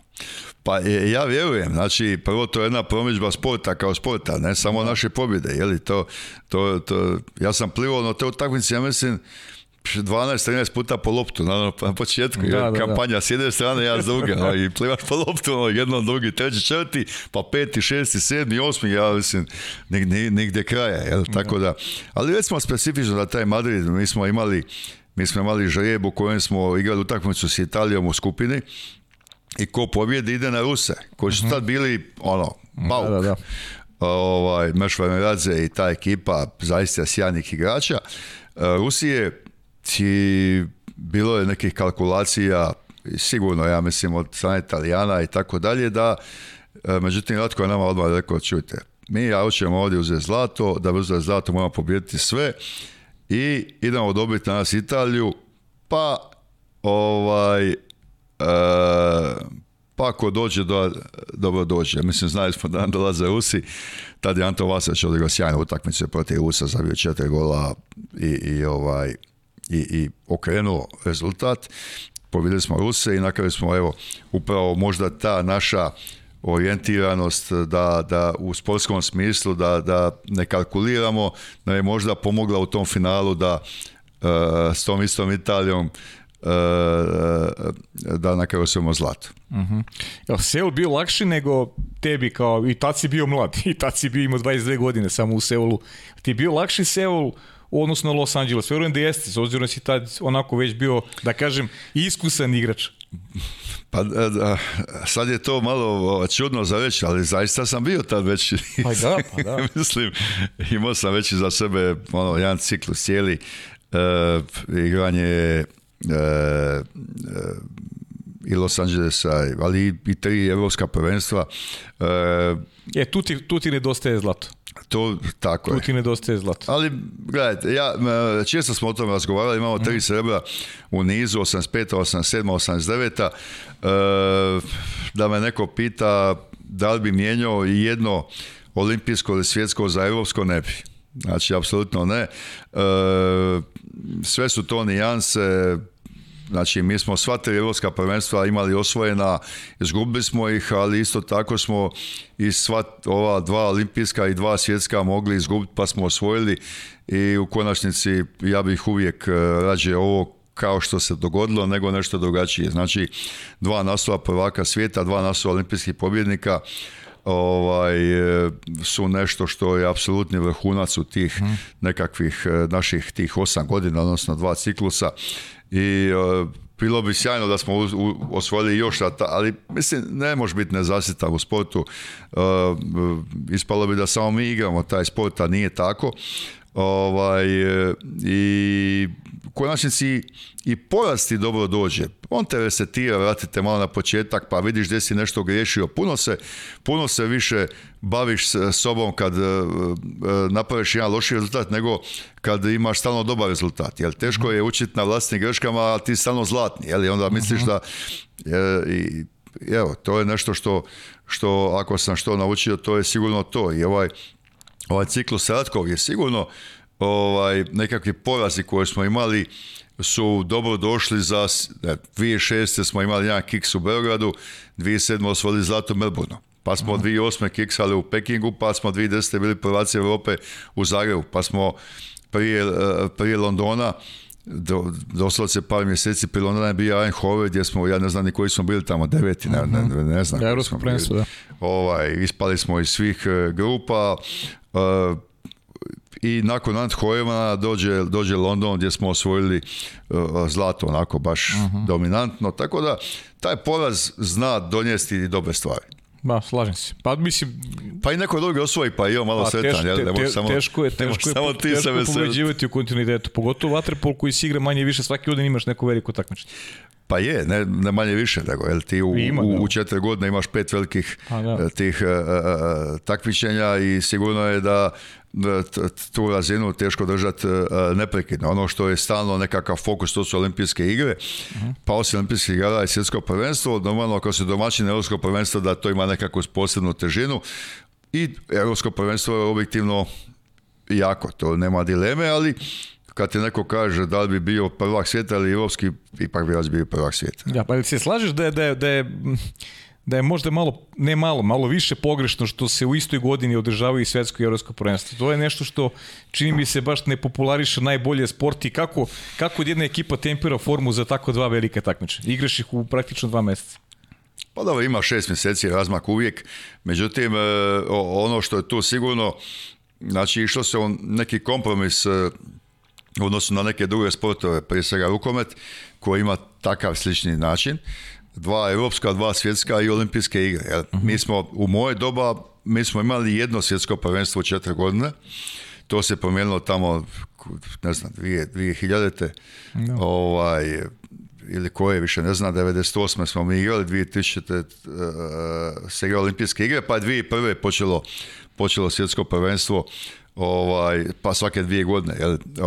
meni, je, meni je ono iz mog doba bilo E, bolje jer smo igrali europsko, svjetsko, europsko olimpijske igre. Znači imao se četiri velika natjecanja u četiri godine i mislim da je to bilo super. Sad imamo puno više prvaka svijeta, odnosno duplo više nego što ih je tad bilo. E, ovaj, puno se češće osvaja, osvaja taj trofej. E, malo je europsko prvenstvo zgubilo na važnosti. Koliko je to dobro, koliko je to loše, ja zaista evo sad ne ne bi mogao dati nekakvu konačnu sud. Ono što sigurno mislim je da bi se taj kalendar trebao na neki način promijeniti e, što mi nekako vapijemo za tim u vaterpolu, mhm. e, pošto se već čitav niz godina ta najveća natjecanja igraju u zatvorenim bazenima. Ovaj, ne vidim razloga da se i svjetsko prvenstvo i Europsko prvenstvo igraju u prvom mjesecu ovaj, i da naša, naš klubski vaterpolo Eh, se neko kroz ljeto. Jeli, da mhm. ti možeš imati ovaj, eh, na otvorenim bazenima 5-6 tisuća ljudi u Beogradu, u Zagrebu, u Splitu, u Barceloni, ne znam, Liga prvaka i tako dalje. To je mhm. nešto što pol ipak ljetni sport, ali evo, to je nešto što, što, što je pitanje eh, nekakvog promišljanja za budućnost. svakako da bi bilo dobro E, za vaterpolo sport, e, da barem ovi najjači vaterpolo centri imaju e, kvalitetnija plivališta. Ono što ima Mađarska sa Dunav Arenom, gdje imaju bazen za nekih 6-7 tisuća ljudi, je, je sjajna priča. E sad, ne treba više 7, ali barem 3. Mhm. Ovaj, I to je nešto što mislim da Barcelona, da Berlin, da ovaj, Atena, pa sutra i Beograd i Zagreb bi trebali imati. Mhm. E, Perice, igrao si, igrao si i beka s početka karijere, kasnije si, kasnije si igrao krilo gde si se profilisao kao, kao jedan od najboljih svih vremena. Kaži mi, kako ti sad izgleda vaterpolo kada gledaš tako sa strane? E, koliko se igra promenila, koliko je po tebi napredovalo i da li ima neki segmenta koji su možda i loši u odnosu na taj, na, na, na taj, tvoj, na taj tvoj period? Pa izvini, da li vidiš nekog igrača da kažeš aha, ovaj podsjeća na mene, ima neke, a da nije, a da nije Luka Vukić? pa Luka Vukić podsjeća na mene, ali... pa to logično. Ali, ali ovaj, igrački ne toliko. Evo, ja, ja, ja moram eh, se vratiti na ono što sam rekao. Znači, mhm. eh, mislim da bi ja uživao u ovom današnjem vaterpolu. Uh mhm. Znači, to je vaterpol koji štiti e, E, kreativnost koji štiti kretnju, koji štiti uplivavanje, koji, e, koji potencira čistu igru, koji mhm. onemogućava držanje, grubost i tako dalje. E, ja osobno bi to uživao. Mhm. A sad na, na to što imaju danas ti naši najbolji igrači uopće, ovaj, ja bih dodao tu dozu jednu igre, Evo, mhm. baš igre. Znači, oni bi trebali znati da je vaterpolo sport. I e, u toj dinamici razvoja utakmice e, bi volio da presuđuje ne neko ko će se dignuti i e, zabiti gol sa 8 metara, nego neko koji je vidio da je ostalo 3 sekunde pa je pobjegao, pa neko koji je uplivao, pa neko koji je neko predivljao, pa neko koji je odigrao povratnu loptu s nekim. Znači da imam malo više, malo više toga. E sad, Eh, to se izbacilo iz treninga i normalno da ti eh, da ti danas ovaj, eh, momci, kako bi rekao, prvo da ono što se, što se traži od njih. Jeli? I onda, mhm. ako ti od njega tražiš to, to i to, onda on to i radi.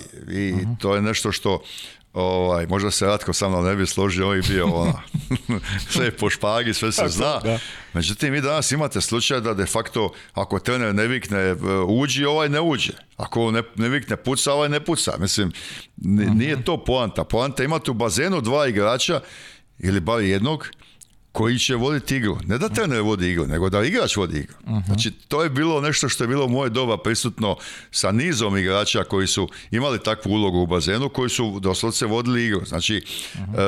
e, ja sam nekako od moje nekam 24. 25. godine kad sam ušao nekakvo tada zrelije doba igračko, ja sam imao sa trenerima jednu ozbiljnu suradnju upravo u tom smislu. Znači, prvo pitanje koncepta igre, taktike smo slagali zajedno. Ja sam imao sreću u toj nekakvoj, rekao bih, e, situaciji, tad nije bilo e, specijalista za tehniku, pa evo sad imaš ljude koji se bave samo videoanalizom, pa onda mhm. imaju programe. U moje doba, tad sam ja to kao igrač radio trenerima. Znači, oni nisu bili, nisu znali uopće video pustiti, tako li ovaj, onda bi mene bone za, aj mi izvadi, da sam ja rezo te utakmice, ono. e sad ja kao igrač, kad uzmem utakmicu sa recimo tom Ujpeštona, i onda uzme neke tri utakmice u Ipeštone protiv Ferenc Varoša, Vašaša i tako dalje. I sad ja da bi izvuko 15 minuta sa te te utakmice, ja prvo moram pogledati sve te utakmice, pa moram vidjeti na svakoj šta su igrali. Pa onda eh, uvijek sam pokušao analizu utakmica gledati, gledati ovaj, eh, nekakve utakmice gdje igraju unutar, unutar države jednim i drugih. Jel, zašto? Jel, ti kad igraš sad kad smo spomenuli već upeštone. Sigurno da trener Vašaša najbolje zna kako će igrati protiv upeštone. Puno bolje nego nekakav trener Olimpijakosa koji nije ih vidio u životu. Jeli, ovaj zna kako treniraju, imali su sto zajedničkih utakmica, koje smo sad mladost jug. Jeli. Nema tu mhm. iznenađenja, sigurno da i, i, i, jedan drugog znaju. I te sam ja utakmice e, uvijek e, analizirao, gledao, vadio iz njih detalje i sad ja tad kao igrač ovaj, kad bi pogledao nekakve dvije ili tri te utakmice, pa onda u to doba nije bilo programa pa ti sad kažeš izvadim igrača više, nego si ti morao svaku akciju odgledat, pa evo hoću, evo onda je vratiš nazad pa staviš drugi video, pa znači to je trajalo satima, ali to je meni bila sjajna priprema meni za samu utakmicu ovaj, gdje sam nekih 4-5 sati se bavio s tim protivnikom do u detalje, kako igra Benedek, šta radi Kašar, šta je igra centar, kako Goman brani, da li su mu ruke e, i tako dalje, mhm, mhm. Da li je na prvu, da li je poviše glave, da li je bliži, tako, e, šta blog, i, i to su su sad detalji koje ovaj, u to moje doba, obzirom sam to ja radio trenerima, meni je to bila sjajna priprema e, e, e, za utakmicu, a izvukao bih tih 15 minuta, pokazali bi to igračima i ovaj, i ja ne mogu zamisliti da danas imate trenere koji rade na analizu. Jer danas u današnje doba kad je to, kad jedna kamera košta, ne znam, 200 eura, mislim, doslovce svako može imati, ovaj, može ga na mobitel snimiti nešto i pokazati sutra igraču. Jer što je problem? E, e, e, danas još više nego onda taj igrač danas ako mu ti nisi na, na, na, na televiziji pokazao gdje je pogrešio. On nema u glavi e, situaciju koja mu se dogodila u bazenu da bi on mogao prepoznati svoju grešku ovaj, i same ispraviti. Naprosto on ima neku drugu, on, on, on, misli da mu se dogodilo nešto drugo. Tek kad vidi, shvati u biti gdje je njegova greška. Mhm. e, e, Vanja, ajde ovaj, jedno iznenađenje ovaj, imamo za, za Pericu, pa pusti ovaj video pitanje. Pozdrav za moga brata Pericu Bukića, Paju i sve, i sve u studiju. Perice, istorija se ponavlja, tvoj sin igra sada za Jadran Splitski, igrao si i ti to vrlo uspešno.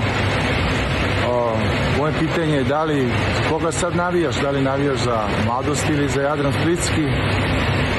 Koji su, koji su ti najdraži klubski trofeji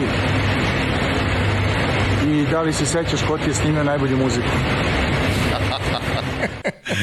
A, Ante je momčina. Znači, mi smo poveli jedan cijeli život zajedno. E, najbolju muziku mi je snimao on. Mhm. E, Luka? E, ne, vratilo me malo u prošlost. Naše igre zajedničke i za reprezentaciju i, i, i, i Jadranu. uh Splitskome Luka, drago mi je da je otišao u Split, da malo proba taj mediteranski ambijent. On nije baš ko ja, ja sam prvo cijeli život u jednom klubu, on je mladost, pa je bio pro reku, pa je sad malo, pa se vratio, pa jedano, Vjerojatno će promijeniti ovaj, e, još klubova i mislim da je to, da je to danas ok, današnji mm način e, funkcioniranja drugačije nego u moje doba i ako imate ovaj takve, takve želje i to, to želi e, da pače ono što mislim da ono što je meni važno e, vidim ga da, da je sve više unutra mislim da mu je prvo rekao napravio jednu ogromnu prekretnicu mhm. u opravo onom segmentu o kojem smo razgovarali tog jednog pritiska u odnosu na, e, na mene i odnosu na, na ne, on, on tri godine nije igrao za prestaciju naprosto nakon Rija u kojem se vratio sa olimpijskim srebrom nastavilo se zašto, kako, zbog čega e, i mislim da na, u jednom trenutku on je osjetio da ne može dati u sva ta očekivanja i sve, znači ne postoje utakmica koja se izgubila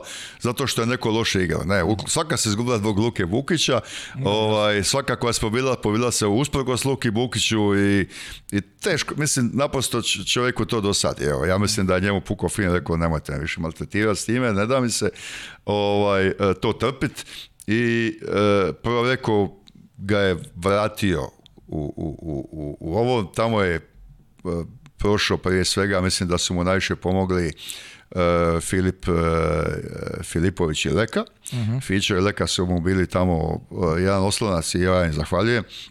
Na tome, ovaj, naravno, Ratko je kao trener, Ova, I tu je on doživio po meni jedan, jedan ozbiljan odnos, jer njih gledajući kako oni treniraju, Manda je s njim igrao također, mhm. ovaj, znači uz te Italijane, Eh, Marko Bijaš, tako da to je bila jedna, jedna velika, velika, eh, veliko iskustvo eh, njegovo i nakon toga je on išao samo, samo put gore i imao je sjajnu sezonu i u mladosti i, i, i u Rotterdamu i u Tokiju, tako da ovaj, evo sad Jadran Splitski se pojačava, on je odabrao Jadran, posjetlama podsjetila na moje dane, moje igre za Jadrana i mislim evo sve skupa e, sve skupa e, želimo zdravlja, to je najvažnije, a ovo drugo e, on je dovoljno sposoban, kvalitetan da se izbori za ono što želi. Aj kad smo već kad smo pričali Luki da, da, da, da pomenemo i Petru koja je nije ona vatripoliskinja ona je najbolja vatripoliskinja u Hrvatskoj, bila dve godine birana za redom, dakle, uh, geni očigledno su radili svoje, uh, imaš e, dvoje dece koji su vrhunski u svom poslu, u tvom poslu praktično i rekao si na početku, samo, samo treće dete se izmaklo. Da, ovaj, to nije, bio ženski vatrepolak. Nije bio ženski vaterpolo u to ovaj, vreme. Na, na visini, pa ja ću sad subjektivno, znači ona je nekako moja mezimica, najmlađa je. Mhm. ovaj, e, ona toliko toliko razumije taj vaterpolo. Baš u ovom dijelu koju sam mm govorio. Znači, prepoznavanju situacije, e, meni je to fantastično. Znači, ona nije uopće zaljubljenik, ona, e, ona je maslo, prilično pragmatična. Znači, otprilike ovako ona to gleda. E, sa 17 sam bila najbolja,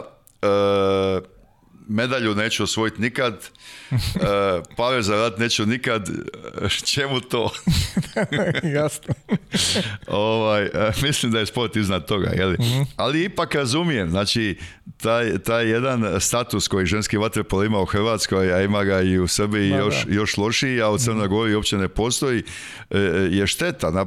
Jedna dogma koja vlada o tom ženskom vatrepolu, da je to muški sport, Naravno da je muški sport i rukomet je muški sport i košak, ali uh, vaterpolo je više ženski sport nego što je to e, e, ovaj, i rukomet i košarka, pa čak bih rekao odbojka. Mhm. O, znači, u konačnici svjetski ženski vaterpolo je izuzetno jak. Znači, Amerikanke, Kanada, Australija, Eh, Kina, pa onda Rusija, Mađarska, Nizozemska, Španjolska, Grčka, Italija. Eh, imate deset reprezentacija koje su izuzetno moćne. Sad to je jedan razlog što nije baš lako doći u zonu medalje, ali ovaj eh, mi je žao što, što malo ne damo akcent na taj, na taj segment vaterpola i tu kod nas, ovaj, ja se nekako bojim s tim u Hrvatskoj, jer stalno se nešto kroz olimpijski odbor, kroz ministarstvo, e, nekakva ravnopravnost žena, ovaj, ja se sjećam još tamo, ne znam, prije koliko godina, možda prije 20 godina, ja sam bio u tom nekakvom odboru za ravnopravnost e, e, žena i muškaraca u sportu, ali mislim deklarativno je to sve super, ali u biti vrlo malo se ko s tim bavi i vrlo malo ko će neko zaista i pomoći. I to je nešto što Mislim da, da, da je šteta. Mi, e, to je jedan prekrasan i ženski sport mhm. e, po meni za, za apsolutno za preporučiti svakome ovaj, e, pogledajte te cure koje to igraju kako su one konačnici ovaj, lijepe, zgodne, zdrave, u jednom zdravom okruženju.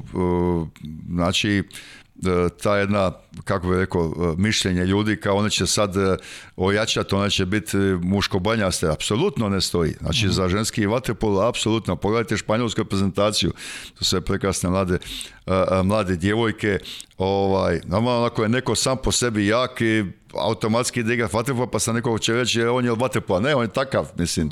I u muškom vaterpolu je tako, mislim. Jeli, ti evo, ga primjer, evo ga primjer, evo ga, mene. Luka ili šta ja znam, u odnosu na nekakvog Šimenca ili Vrlića ili, jeli, ali mislim, nije neko takav zato što se bavi s tim, tim sportom. Mhm. Tako da, e, s te strane, mislim da treba malo to promovirati, i mislim da je to dobro. Mi smo počeli tu regionalnu ligu, nekakvu žensku, Hrvatska, E, i Srbija, sad se to proširilo na Dunav ligu pa se uključila i Rumunjska, nešto Mađara, e, e, Slovačka i tako dalje. Nekako mislim da tu treba, treba pomoći tim curama da, da imaju barem donekle ovaj, jedan fond utakmica treninga kako bi mogli napredovati i kako bi te mlade suve se počele baviti vaterpolom. Imamo sad u Hrvatskoj jednu sjajnu generaciju mhm. ovaj, tih mladih suvica. evo prvi put u Šibeniku na Europskom prvenstvu da smo uspjeli odigrati pa donekle približno paris sa Španjolkama, ovaj, Grkinjama, eh, što je sjajan iskorak u odnosu na, na prije. Jel? Ovaj, to su tanjice koje su bile neizvjesne do, do kraja treće četvrtine, koje su završile dva gola razlike i to je do, do jučer bilo nezamislivo sa Španjolkama ili, ili Grkinjama ili Mađaricama. tako da, evo, lagano to ide nekakvim sitnim koracima, međutim, ono što opterećuje uopće sport i pogotovo e, ovaj klubski sport e, to, to je taj, taj financijski segment, e, pitanje trenera, pitanje mhm. njihovih honorara i tako dalje. I to je nekako evo moj posao, s tim se najviše bavim zadnje dvije godine. Ja bih više volio da se bavim sa da mogu skočiti u bazen i, i ovaj klinicima pokazivati nekakve ovaj segmente igre, ali nažalost uglavnom se bavim sa pribavljanjem e, financijskih sredstava jer bez toga e, ne postoji. E, da odgovorim Anti Vasoviću između Jadrana i mladosti ovaj, zaboravio spomen Solaris. Tako mhm. da ja sad imam tri kluba koja i pomažem i, pratim. Mhm a Jadran naravno zbog, zbog Luke, Solaris i su dva moja kluba, u biti Jadran je moj klub e, obzirom na taj moj nastup u Ligi prvaka. E, volio bi da su sva tri malo jače, ali Jadran je sad, ajde, e, vrlo dobar. teško, nažalost, nije mi derbi mladost Jadran, pa da sad ja mogu tu navijati. dobro, Ovaj, ali ali ja, ja se nadam da bi mogli ubrzo, evo, vidjet ćemo, vidjet ćemo razvoj situacije, ali ja se nadam da već sljedeće godine da smo ga biti jače. Držim fige da bude tako. E, kaži mi, da ne zaboravim, e, si cijelu karijeru u Solaris mladost i verujem da je bilo ponuda nevezano za onu Partizanovi još dok si bio u Šibeniku. Da. Verujem da je bilo ponuda iz inostranstva. za, Zašto nikad nisi ovaj otišao pa mislim da je odgovor vrlo jednostavan. Znači, igrao sam u najboljem klubu na svijetu. Gdje ići? Tako je. Pa I to je e, Jedno. Drugo, E, ja, ja zaista mislim da nije svejedno da li si prvak Europe sa svojim klubom ili sa prvekom. Mislim, uz dužno poštovanje, e, e, ja sad sa 56 mogu otići u prvekom i prvak Europe. Mislim, karikiram, karikiram, ali tamo neki 13. igrač si ok, skoči malo da igram i no. prvak sam Europe sa, ne znam, 10 najboljih, jel 12 na svijetu. A, ajde ti bod prvak Europe sa, sa, sa svojim klubom koji ima sve skupa četiri prva igrača. E, to je nekakav, meni je bio motiv, uvijek igrati doma, e, kad ti osvojiš trofej doma imaš potpuno drugi doživljaj i, i meni je to uvijek više vrijedilo nego otići van u nekakvu već gotovu sredinu, sad si ti došao i, ovaj, i, to mi je nekako više profesionalizam. E sad, da je to recimo nogomet ili košarka pa si ti otišao vani zaradio 2, 3, 5, 10 milijuna nečega, pa ok, igraš do tih. Ali, mislim, mi smo sport koji koji ovaj, igrao doma, igrao vani, vrtiš se oko nekakvih iznosa koji su vrlo slični, e, ništa od toga ti ne garantira ovaj, e, da možeš nakon vaterpolo karijere ovaj, ne raditi ništa što mislim da je dobro. Mislim da je dobro. Mislim da, da je vaterpol taman sport na granici da e, si možeš osigurati jedan e, korektan život, ali da usto ipak mora biti malo angažiran, da neću reći pametan. E, da li je prijem u kuću slavnih i, i najveće lično priznanje koje si dobio? Pa mislim da se ništa s ti ne može usporediti. Mhm. Znači, to je, to je sigurno vrhunac svakom ko to doživi si sa ovaj- porodicom ovaj, išao na dodelu ili išlo porodica, jeste, na, na dodelu? Je, je, je, to je bilo upriličeno za ime Europskog prvenstva u Sevilji mhm.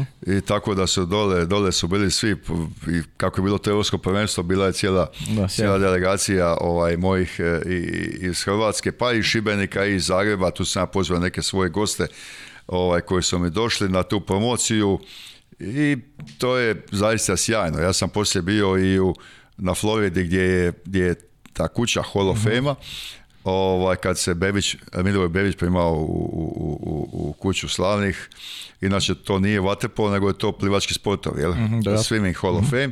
Ovaj, ali eh, eh, mi smo naravno dio toga eh, plivačkog sporta i, i, to zaista lijepo izgleda, lijepo je to doživjeti, doći tamo i, i, i ovaj i vidjeti ne, negdje stoji tvoj nekakav cijeli CV, to što si prošao, što si igrao, moja kapica, moje kupače, uh tako lijepo je to za vidjeti. E, ajde, pre nego što imamo još blok pitanja gledalaca, ali da zaključimo sa, sa još jednom stavkom vezano za, za hrvatsku reprezentaciju. Ti si završio ekonomiju, pa, pa ekonomski fakultet, ono što si rekao da pokušavaš da pronađeš i sredstva, da se baviš, da se baviš i time, ali si tekako ovaj, zaslužan konkretno iz dovođenja Ivice Tucka u reprezentaciju. Imam pitanja iz Hrvatske da li Ivica Tucak uživa, uživa poverenje, poverenje Saveza, uh, i, pa, i kakvi su planovi kada je vezano za sledeću godinu uh, konkretno Evropsko prvenstvo u Splitu će igrati na otvorenom E, kada je pitanje organizacija, šta se radi vezano za organizaciju i eto ti neki detalji koji zanimaju. Pa evo, preskočili smo taj segment cijeli koji je po meni vrlo bitan, znači mhm. nakon Ratka Rudića nije bilo lako uskočiti mhm. u, u, cipele Ratka e, koji je e, osvojio s Hrvatskom i evropsko i svjetsko olimpijsko zlato. Tucak se uhvatio tog posla, po meni jako kvalitetno, mhm. znači već znači već 2013. osvojio broncu na svjetskom prvenstvu, 2015. srebro na svjetskom prvenstvu, 2016. srebrno olimpijskim igrama, 2017. je bio prvak svijeta, pa onda je još i u Barceloni u Guangzhou osvajao bronce. Ovaj, tako da, eh, jedan zaista izuzetan niz bio proglašen najbolji trener na svijetu te 2017. Jedan veliki niz eh, velikih eh, rezultata.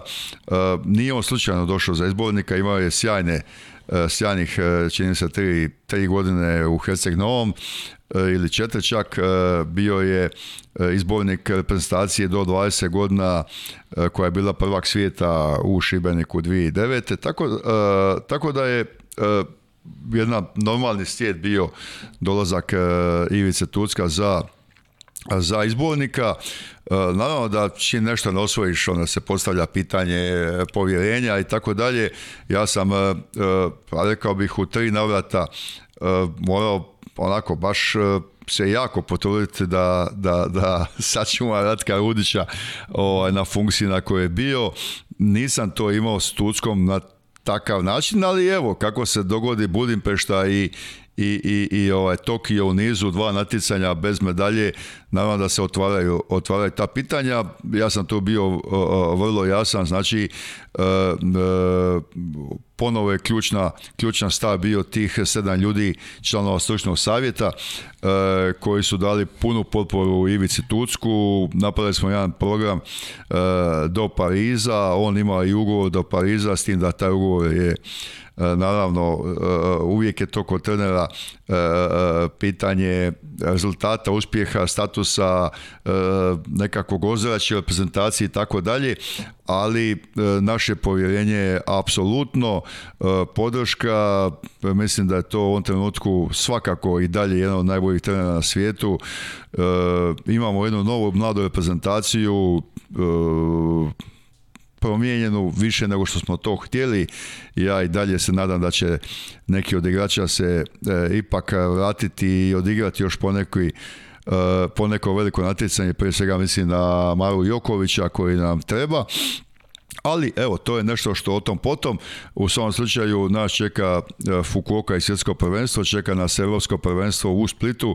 Split sam, kao što sam rekao, igraće se uh, u Spaladium areni, uh očekujem zaista jedan spektakl, desetak tisuća navijača, pokušat ćemo organizirati to na način da E, jače utakmice budu odvojene od Hrvatske, tako da si oni koji će iz e, drugih država, Srbija, Crna Gora, Mađarska, Italija, Španjolska, tako dalje, htjeti doći gledati svoju prestaciju će moći ovaj, si osigurati e, kartu. Split je ono, centar, turistički centar Hrvatske, po meni ne postoji ljepši termin za jedan takav turnir od Splita i kraj 8. pa 9. mjeseca. Tako da Evo, mislim da ćemo, da ćemo zaista moći uživati ta dva tjedna u Splitu. Napravili smo, planiramo dosta toga na ukupnoj organizaciji, ne samo ovaj vaterpolo dio, nego i nekakva mhm. zabava e, van vaterpola i e, evo, ako bude ako ne bude nekakvih e, e, novih sojeva koje one, ne daj Bože, ovaj, nadam se da, da bi e, to moglo biti onako baš, baš jedan povratak na staro normalno. Evo. E, je Aleksandra, Aleksandra Milošević koja redom učestvuje u kreiranju ove emisije e, podsjeća da si ti jedini, jedan od redkih u stvari, jedan, kažem jedini jer ne znam, koji imao dva oproštaja nakon završetka karijere. Jedan ti je upriličio Solaris, drugi ti je upriličio mladosti i onako, bilo je, bilo je lepo. Okupio pa da, si sve svetske zvezde u to vreme. Da, ja moram, moram priznat da e, e, e, ovaj uproštaj Eh, mladost eh, reprezentacija svijeta je bio planiran, a opoštaj Solaris eh, je bio meni iznenađenje, odnosno to su i moji dole u organizirali. I to je bilo sjajno. Znači, u, sred ljeta jedna prekrasna utakmica, jedan događaj dole u Crnici na bazenu na kojem sam ja počeo svoju karijeru. skuple se sve generacije Šibenskog Solarisa, s druge strane bila reprezentacija prestacija Hrvatske, e, meni je onako dosta emotivan trenutak e, i nakon toga u biti godinu dana kasnije e, sam uspio organizirati utakmicu odnosno mladost je to organizirala, ali, ali sam ja radio te kontakte sa, sa tim najboljim igračima iz svjetskog vaterpola i moram reći da svi koji su bili pozvani su i došli i meni je to bila evo, velika čast da i, i meni osobno nekako zadovoljstvo da su svi, svi ti ljudi e, najveći tada igrači na svijetu da su došli na tu, na tu moju opoštanu utakmicu i, ovaj, i tu nekako staviš točku na i. Mhm. Možda sam to i radio da se ne bi predomislio. A, je tako?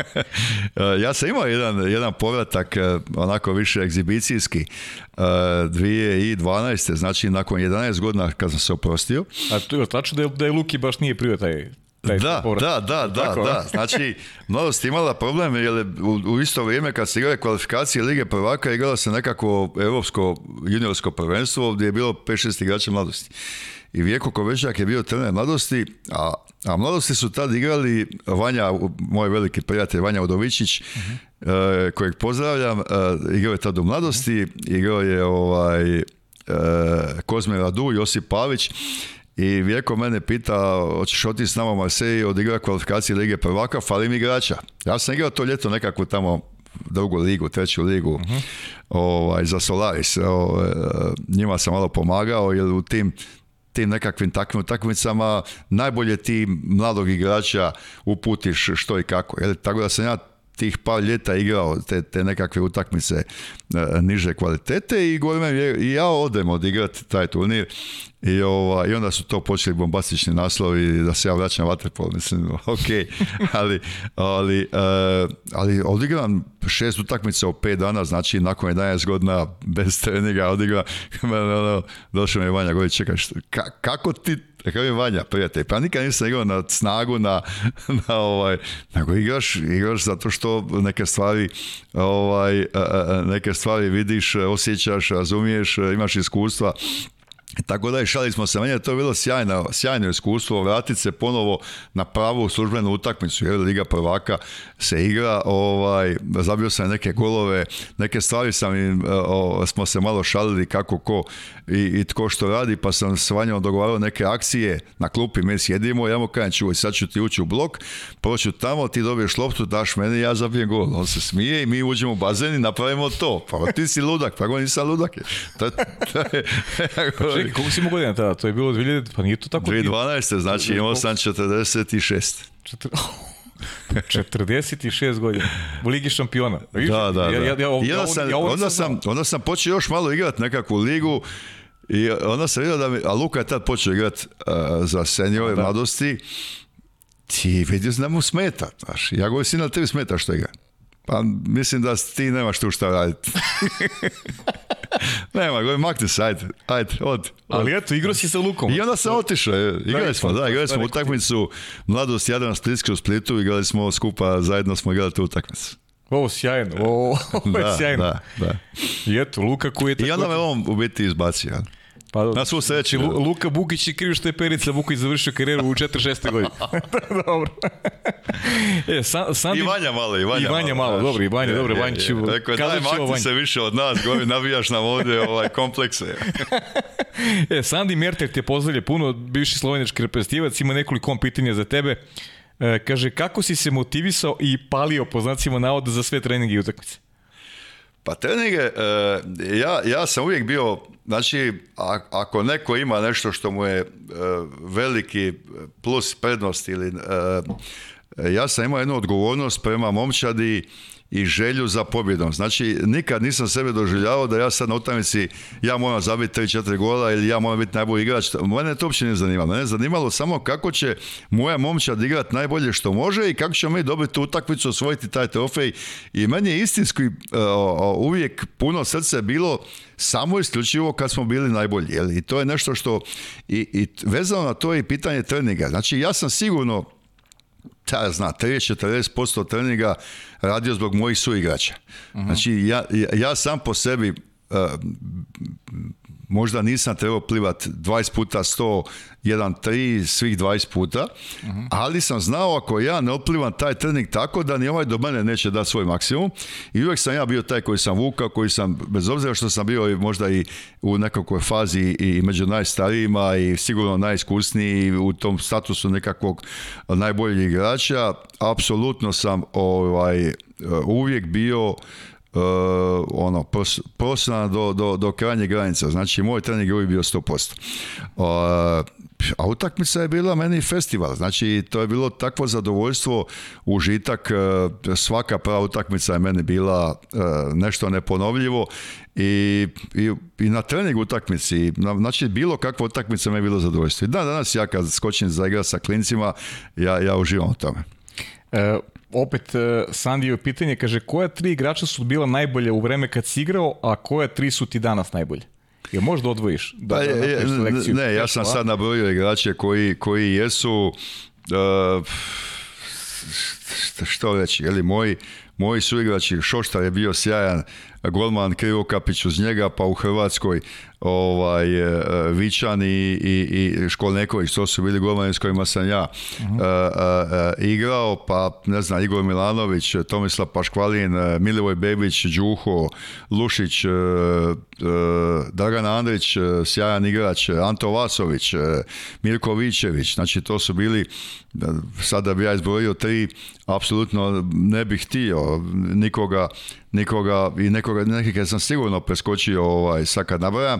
ovaj, Zoran Roje, kažem, e, to je jedna generacija igrača koji, s kojima sam ja osvojao olimpijska zlata i ovaj, bio prvak svijeta i to je nešto što je, ti ljudi su doslovce, kako, kako kaže, e, braća, braća po vodi.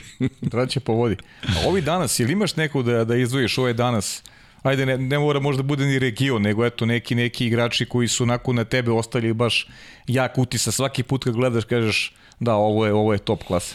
Pa imamo igrača, ja, ja kako bih rekao, recimo danas ono što, što, što je sigurno nešto dominantno, to je Felipe Perone u toj španjolskoj reprezentaciji, e, Fićo koji je vuko Srbiju e, ovaj, godinama, iako je tu u Srbiji čitav niz igrača mhm. od e, ovoga e, Mandića, danas Jakšić koji je izrastao jednog modernog modernog ekstra, ekstra, i ekstra klase igrača Dene švalga koji desetljeće nosi, nosi mađarsku reprezentaciju, ali i ovaj i nekakav tamo za Zalanki, Manhevec, to su sve top svjetski igrači Ovaj, u hrvatskoj prezentaciji također čitav niz igrača koji su obilježili zadnjih deset godina od Jokovića, Albušlije, e, e, Dobuda, koji je sad naravno na zalazu, ali u svoje doba najbolji centar na svijetu, pa e, Bijača e, koji dominira zadnjih 7-8 godina, Sandra Sukna koji se nažalost e, ostavio prerano zbog bolesti i jedna nova generacija Loren Fatović e, uz Luku, Ante Ukićević, e, Harkov koji, koji pokazuje jedan ogroman napredak zadnjih par godina i koji će, od, od, od nadam se, od sljedeće godine igrati za Hrvatsku, zajedno je s u Jadranu. Ovaj, tako da, evo, imamo, imamo uh, pregršt igrača, jaki zanimljivih, ima nekoliko izuzetno kvalitetnih Grka i, i koji su nadrasli e, samo E, e, kako bi rekao, pojedinačne neke kvalitete. Znači oni sad i komonča djeluju puno drugačije nego što su mhm. prije, puno kvalitetnije. Jan e, Di Fulvio u Italiji koji je sjajan igrač. Znači imamo, imamo što brojiti, imamo što gledati i mislim da je to dobro.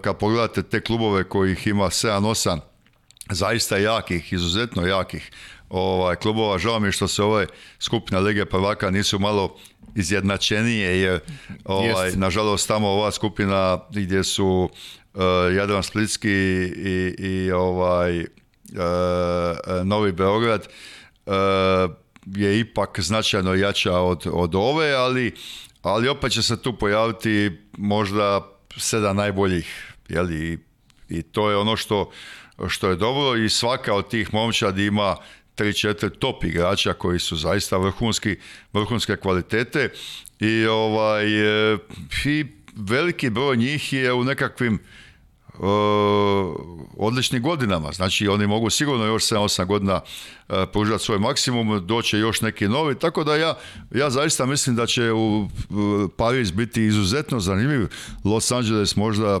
najviše od, od svega do sad, jel? to je nešto što već danas se svi spremaju za, za, za olimpijske igre Los Angeles. to je nešto što, što mislim da, da je sjajno, da imamo sve više reprezentacija koje koje su jake, te floskule kako vaterpolo igra pet država u svijetu, to apsolutno su smiješne. Pa mislim, vi kad pogledate ko evo svjetska prvenstva u nogometu nema ih više od deset, prema tome e, o čemu mi pričamo, a košarka e, maknete NBA pa da vidim što će ostati, jel? Tako da mislim da imamo e, jedan fond i klubova i reprezentacija i ovo što ste rekli igrača koji su zaista zaista vrh svjetske kvalitete ovaj, ne bih uspoređivao sa prošlim generacijama, svaka generacija nosi svoje, ali evo, e, imam i ja neke zamjerke na, te kriterije suđenja, ali ukupno gledajući sviđa mi se da se pokušava zaštititi vaterpolo, e, čista igra, e, grubosti da se eliminiraju i mislim da to vodi dobrome. Mhm. to, je, to je bilo, eto, nećete da te zamaram, još mogu još dva, tri pitanja, jedno pitanje sam htio ti postaviti upravo vezano za suđenje.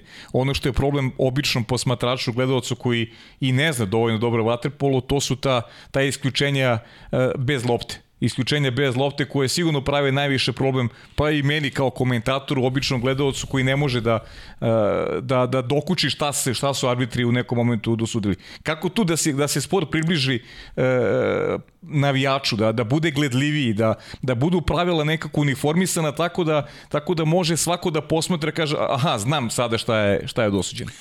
Pa to što mislite da vi imate problem kao gledatelj, E, navijač, e, još veći problem imaju treneri i igrači. Pa verujem, Mislim, verujem. Jer on ne zna zašto jednom je, drugi put nije. Znači, e, nije problem vaterpola pravila, problem je primjena tih pravila. Mhm. Znači, sa istim tim pravilama imate utakmice, ja, sam, ja ukazujem na to već možda nekoliko godina, sad više ne znam koliko dugo, ali naprosto je neprihvatljivo imati sport u kojem jedna utakmica zavisi sa 40 e, pa čak i do 50 isključenja, a druga ih ima ukupno 16. Znači, mhm. kakav je to sport? Znači, ova ima 8, je 7 isključenja, a na drugoj utakmici ova ima 22, ova je 25. Znači, to je apsolutno a ista su pravila, znači, samo je pitanje sad šta on gleda, šta, i, normalno je da u odnosu na tu sudačku, e, sudački kriterij da se ponašaju igrač. Znači, ako ti češće izbacuješ, onda on počne malo drugačije igrati, tako mu pustiš čupanje, držanje i tako dalje, onda on, onda on to i koristi, naravno. E sad, tu je ta fina Lena, pa onda fina hoće čišće Lena, i ne baš, onda ovi pretjeruju u jednom smjeru, ovi pretjeruju u drugom smjeru, pa onda imate sudaca koji E, nažalost sude veliku utakmicu, a i zemalja su koje nemaju ozbiljna vaterpolo, pa nemaju ni tog iskustva, mhm. pa se tu događaju i greške, tako da kad tu komponirate e, nekakva pravila koja nisu do kraja precizna, odnosno njihovo tumačenje, pa komponirate ovaj, nekakve naputke koje oni dobiju od e, svojih delegata, pa onda i kvalitetu koja nekad je, nekad nije, onda dobijete dosta često ovaj, evo to što vi kažete da običan gledatelj ne zna što se sudi. Nažalost, to nije problem samo vaterpola, to je problem i rukometa i košarke gdje ovaj, svaki taj kontaktni sport naprosto sudac ne može suditi sve što vidi. Jel? Bilo bi 8 miliona faula. E sad, Znači, on je taj koji određuje što hoće, što neće suditi. Već u toj situaciji kao košarci je li on je u duelu, da li on imao probijanje ili je, ili je bio faul, on s tom odlukom utječe, utječe direktno na, na, na rezultat. I to je tako u kolektivnim sportovima, e, do jedne granice je to prihvatljivo. Mi koji smo zvate pola jako dobro znamo kad to nije prihvatljivo, a nije prihvatljivo kad jednoj strani sudiš jedno, drugoj strani drugo. Znači ovdje je isključenje, a to isto je ovdje kontrafaul. E onda imamo problem. Jel, ako je kriterij isti, pa kakav god bio, onda se to nekako ovaj, i podnese. Ali ako kriterij nije isti, onda tu ulazimo u problem. Sad pitanje i kontrole tih sudaca koji njih kontrolira, tako da to je malo jedna kompleksnija priča, ali svakako utječe na jedan ukupan interes mm. eh, za vaterpolo kao sport, pogotovo odnosno na nekakvu dogmu kao vaterpol sudac može sve. Mislim, eh, vrlo dobro ljudi iz vaterpola znaju koji sudac je osudio dobro ko nije. Eh. I dalje neka greška nenamjerna, dalje neka greška namjena. Sve se to vidi ja bih samo da se to malo češće uzme u obzir kod e, delegiranja sudaca, kod ocjene sudaca, kod, e, evo, to je ono što mislim da je bilo važno. Mhm. Pa kad sudac osudi lošu utakmicu, da on zna da je nakon toga tri mjeseca neće suditi. Ima jedno pitanje, verovatno iz Kragovica, za Josipa Vrlića. Šta misliš, kako će imati ovu drugu ovaj, epizodu u Radničkom? Jel pratiš? Kako ne? E, mislim, Vrlić je lani je igrao kod mene u mladosti, E, kod mene, Da, dobro.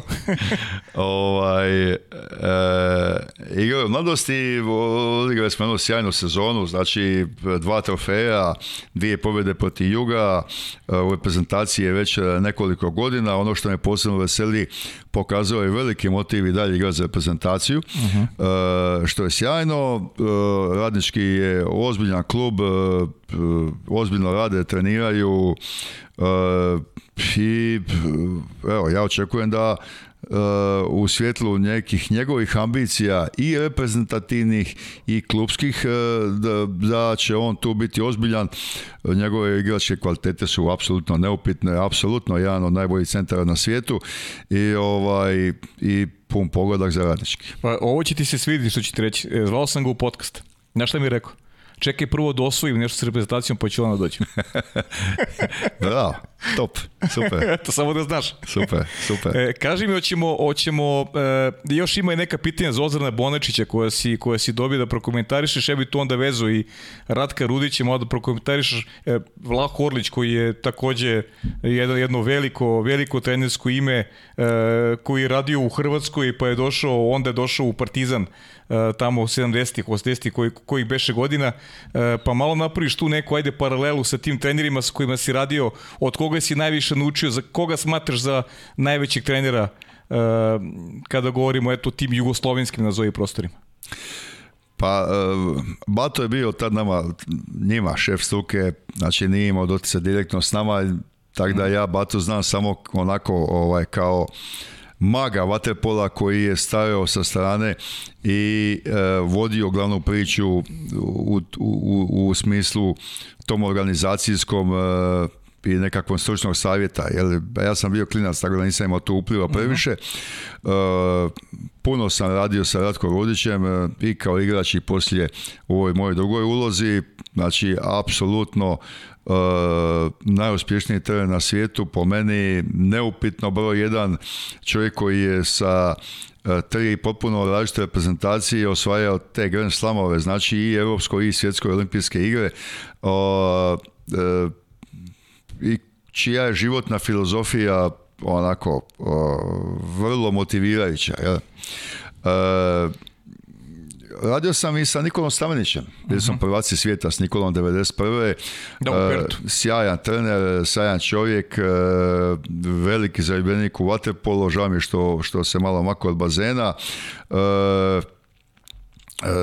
i tako, on je imao jedan specifičan pristup, e, više individualni, radio na nekako individualnoj tehnici, taktici, uh-huh. unapređenju mogućnosti svakog pojedina. Znači, potpuno suprotnost Ratko Rodiću koji je e, cijeli svoj, e, sve bazirao na, na, na motivaciji, na kolektivu, na grupi.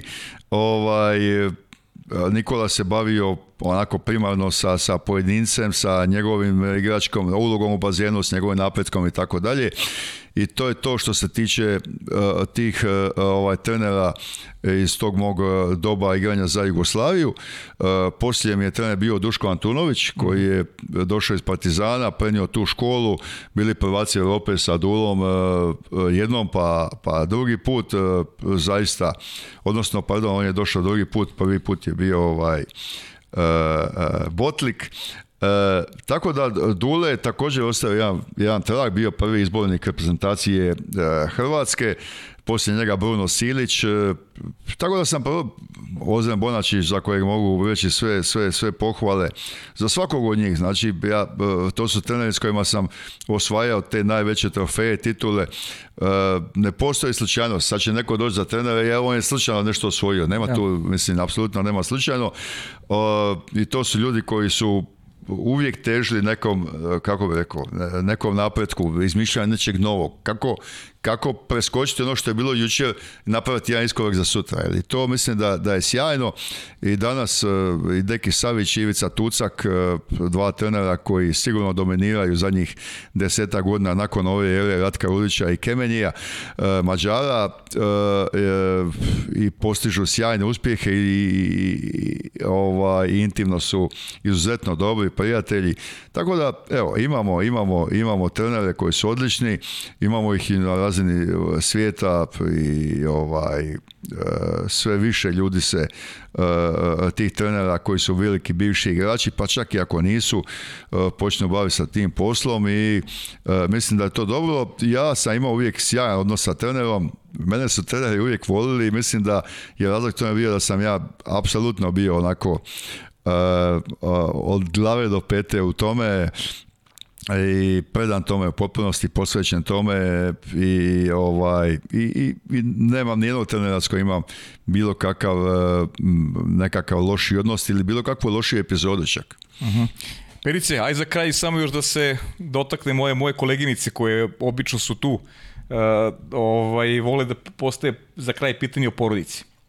E, Darija, čime se Darija bavi? Dorija, Dorija. Dorija, izvini, Dorija, supruga Jelena, je tako? Da, da, da. Da, da malo njih pomenu, pošto smo ispričali dosta o, o, Petri, o Petri i o, i Luki. Naravno. Pa e, nije lako ženama sportaša, mhm. mislim nije lako i je i nije, jel? Mhm. Mislim to je jedan poseban način, e, e, meni supruga ono, naučila vrlo rano da kad su utakmice i ovo ne diraj, ne diraj lava dok spava. Znači, ja sam imao poseban tretman uvijek e, kao igrač, e, poslije to se nastavilo, naravno. Mislim, ovo je naš život i, e, ako se neći, želiš s nečim ozbiljno baviti, E, prvo što trebaš je e, to rad 25 sati dnevno. Znači nema tu ovaj, e, sad sam ja završio i idem doma i ugasio sam obitel. Znači to ne postoji. Isto tako i kad si igrač je, ali ovaj, i u ovom drugom dijelu, da li si trener, uh-huh. da li mhm. si sportski, sportski nekakav dužnosnik, direktor, predsjednik, što god. E, tako da je obitelj ti nauči na, na, na, na to godinama, ima, imaš nekakav svoj ritam koji je potpuno odvojen od njih, ali naravno da moraš naći neko vrijeme e, i kad si s njima. Jeli? Imamo troje djece, sad E, ja sam, ja sam se preporodio kad mi je najmlađe dijete položilo vozački da ih više ne mora voziti. Jel, mislim, tebi se život svede na to da voziš ih e, na, na, na te njihove aktivnosti, jer naprosto ta, tako svijet funkcionira, onda ova igra vaterpola, ova, ova ide na engleski, ova, ova ide na ova ide dolje što dolje trenira odbojku neko vrijeme, tad nije bilo vaterpola, pa je poslije nekakve druge aktivnosti. Luka je su evo, Luka je imao nekakvih drugih sportova, rekao sam e, gimnastiku, ali judo, ozbiljno judo, 3-4 mhm. godine i poslije toga vaterpolo. Petra je odmah krenula u vaterpolo i, to je se e, jedno vrijeme sam je onako, aj molim te još malo, prva ajde, pa ne, ne da mi se, ne da mi se, e, dok se ne upoznam s tim znači prvo neko putovanje kada je dosložila društvo i poslije to ide svojim putem jer u principu e, kolektivni sport je sjajan jer si stalno u grupi, znači ti si mhm. dio, dio jedne ekipe i, i to je prekrasno. Tako da, ovaj, meni je drago da su, da su oni u sportu, e, Dori je završila e, business school u Londonu, Eh, prije toga je imala nešto u Dubrovniku, pa je bila godinu dana u Beću učila njemački, tako da je ona bila u tom nekakvom svom ovaj, svom filmu i danas, eh, danas radi u tvrci u Zagrebu, vrlo je zadovoljna i ide joj to, trudi se i posvećena je tomu. Ona je, što se tog tiče, možda najsličnija meni, onako cijela je po ps mhm. ovaj, eh, Luka E, kako bi rekao, završava fakultet, to završava, traje već e, neko vrijeme. Treća je godina e, ovaj, ekonomije, u Zagrebu... On je, on je totalno tatu, znači i vaterpolo i ekonomija, to je to. A, dobro, ja sam u njegov već završio fakultet, ali, ovaj, ali dobro. E, I Petra je studirala ekonomiju, samo ona je odmah dala tri godine, se opisala četvrtu. Ja je nekako tjeram da, da motivira i animira Luku da i on to završi. Ja se nadam da hoće, kad je već došao do treće, da završi bar tu treću, ako neće četvrtu i petu, ali ok, o tom potom. Mislim, ja kad, ja kad sam e, ja razumijem da klinci ne razumiju, klinci, oni su već mladi ljudi, da oni ne razumiju što im znači fakultet. Ja moram priznati da sam ja završio fakultet zbog mog pokojnog oca, on me stalno maltretirao, mora završiti fakultet, mora završiti fakultet, to je bila nekakva, ovaj, i, i on kad je umro, onda majka rekla, ti znaš šta je tvoj otac, znaš nije to lako uz sport, aj sad ti završi mhm. fakultet. Mislim, nije ni mhm. teško ako se trudiš, ali ovaj, nekako ti ne, ne svačaš u tim godinama koliko je to bitno. Ja tek kad sam završio karijeru sam shvatio koliko je meni završetak tog fakulteta na kojem sam se prilično namučio. Moram to priznati, ovaj, nije to lako uopće uskladiti, pogotovo tad sa Ratkom Vodićem kao izbornikom. sati ovaj, e, ali kad sam završio, kad sam završio sa, sa igračkom karijerom, bio sam e, e, osam godina i u Hrvatskom parlamentu, jel, u Saboru, E, zastupnik, e, vidim da te ljudi drugačije gledaju, jel, sportaši, ali, znaš, ali ti on završio fakultet, ja? Da, kao da. inače sportaši. da, da, Ali, e, mislim, to su isto neke dogme koje su apsolutno ovaj, pogrešne. Ja čak imam jedan primjer, sad malo preskačem, ali moram to reći. Znači, jedna profesorica u školi je jednoj culici koja sjajno igra vaterpolo. Zamislite su profesorice u školi toj culici, odnosno njenoj majici, Eh, pa vaša kći je preinteligentna da bi se bavila sportom. Pa mislim, eh, zamislite uopće to, evo ja, ja sam šokiran. Pa ne ja, mogu iskreno. Ja, ja, ja, ja, eh, šta, je htjelo da kaže? Pa evo vi zaključite šta htjelo ali hoću reći, ovaj, to su, to su ja, ja zaista mislim da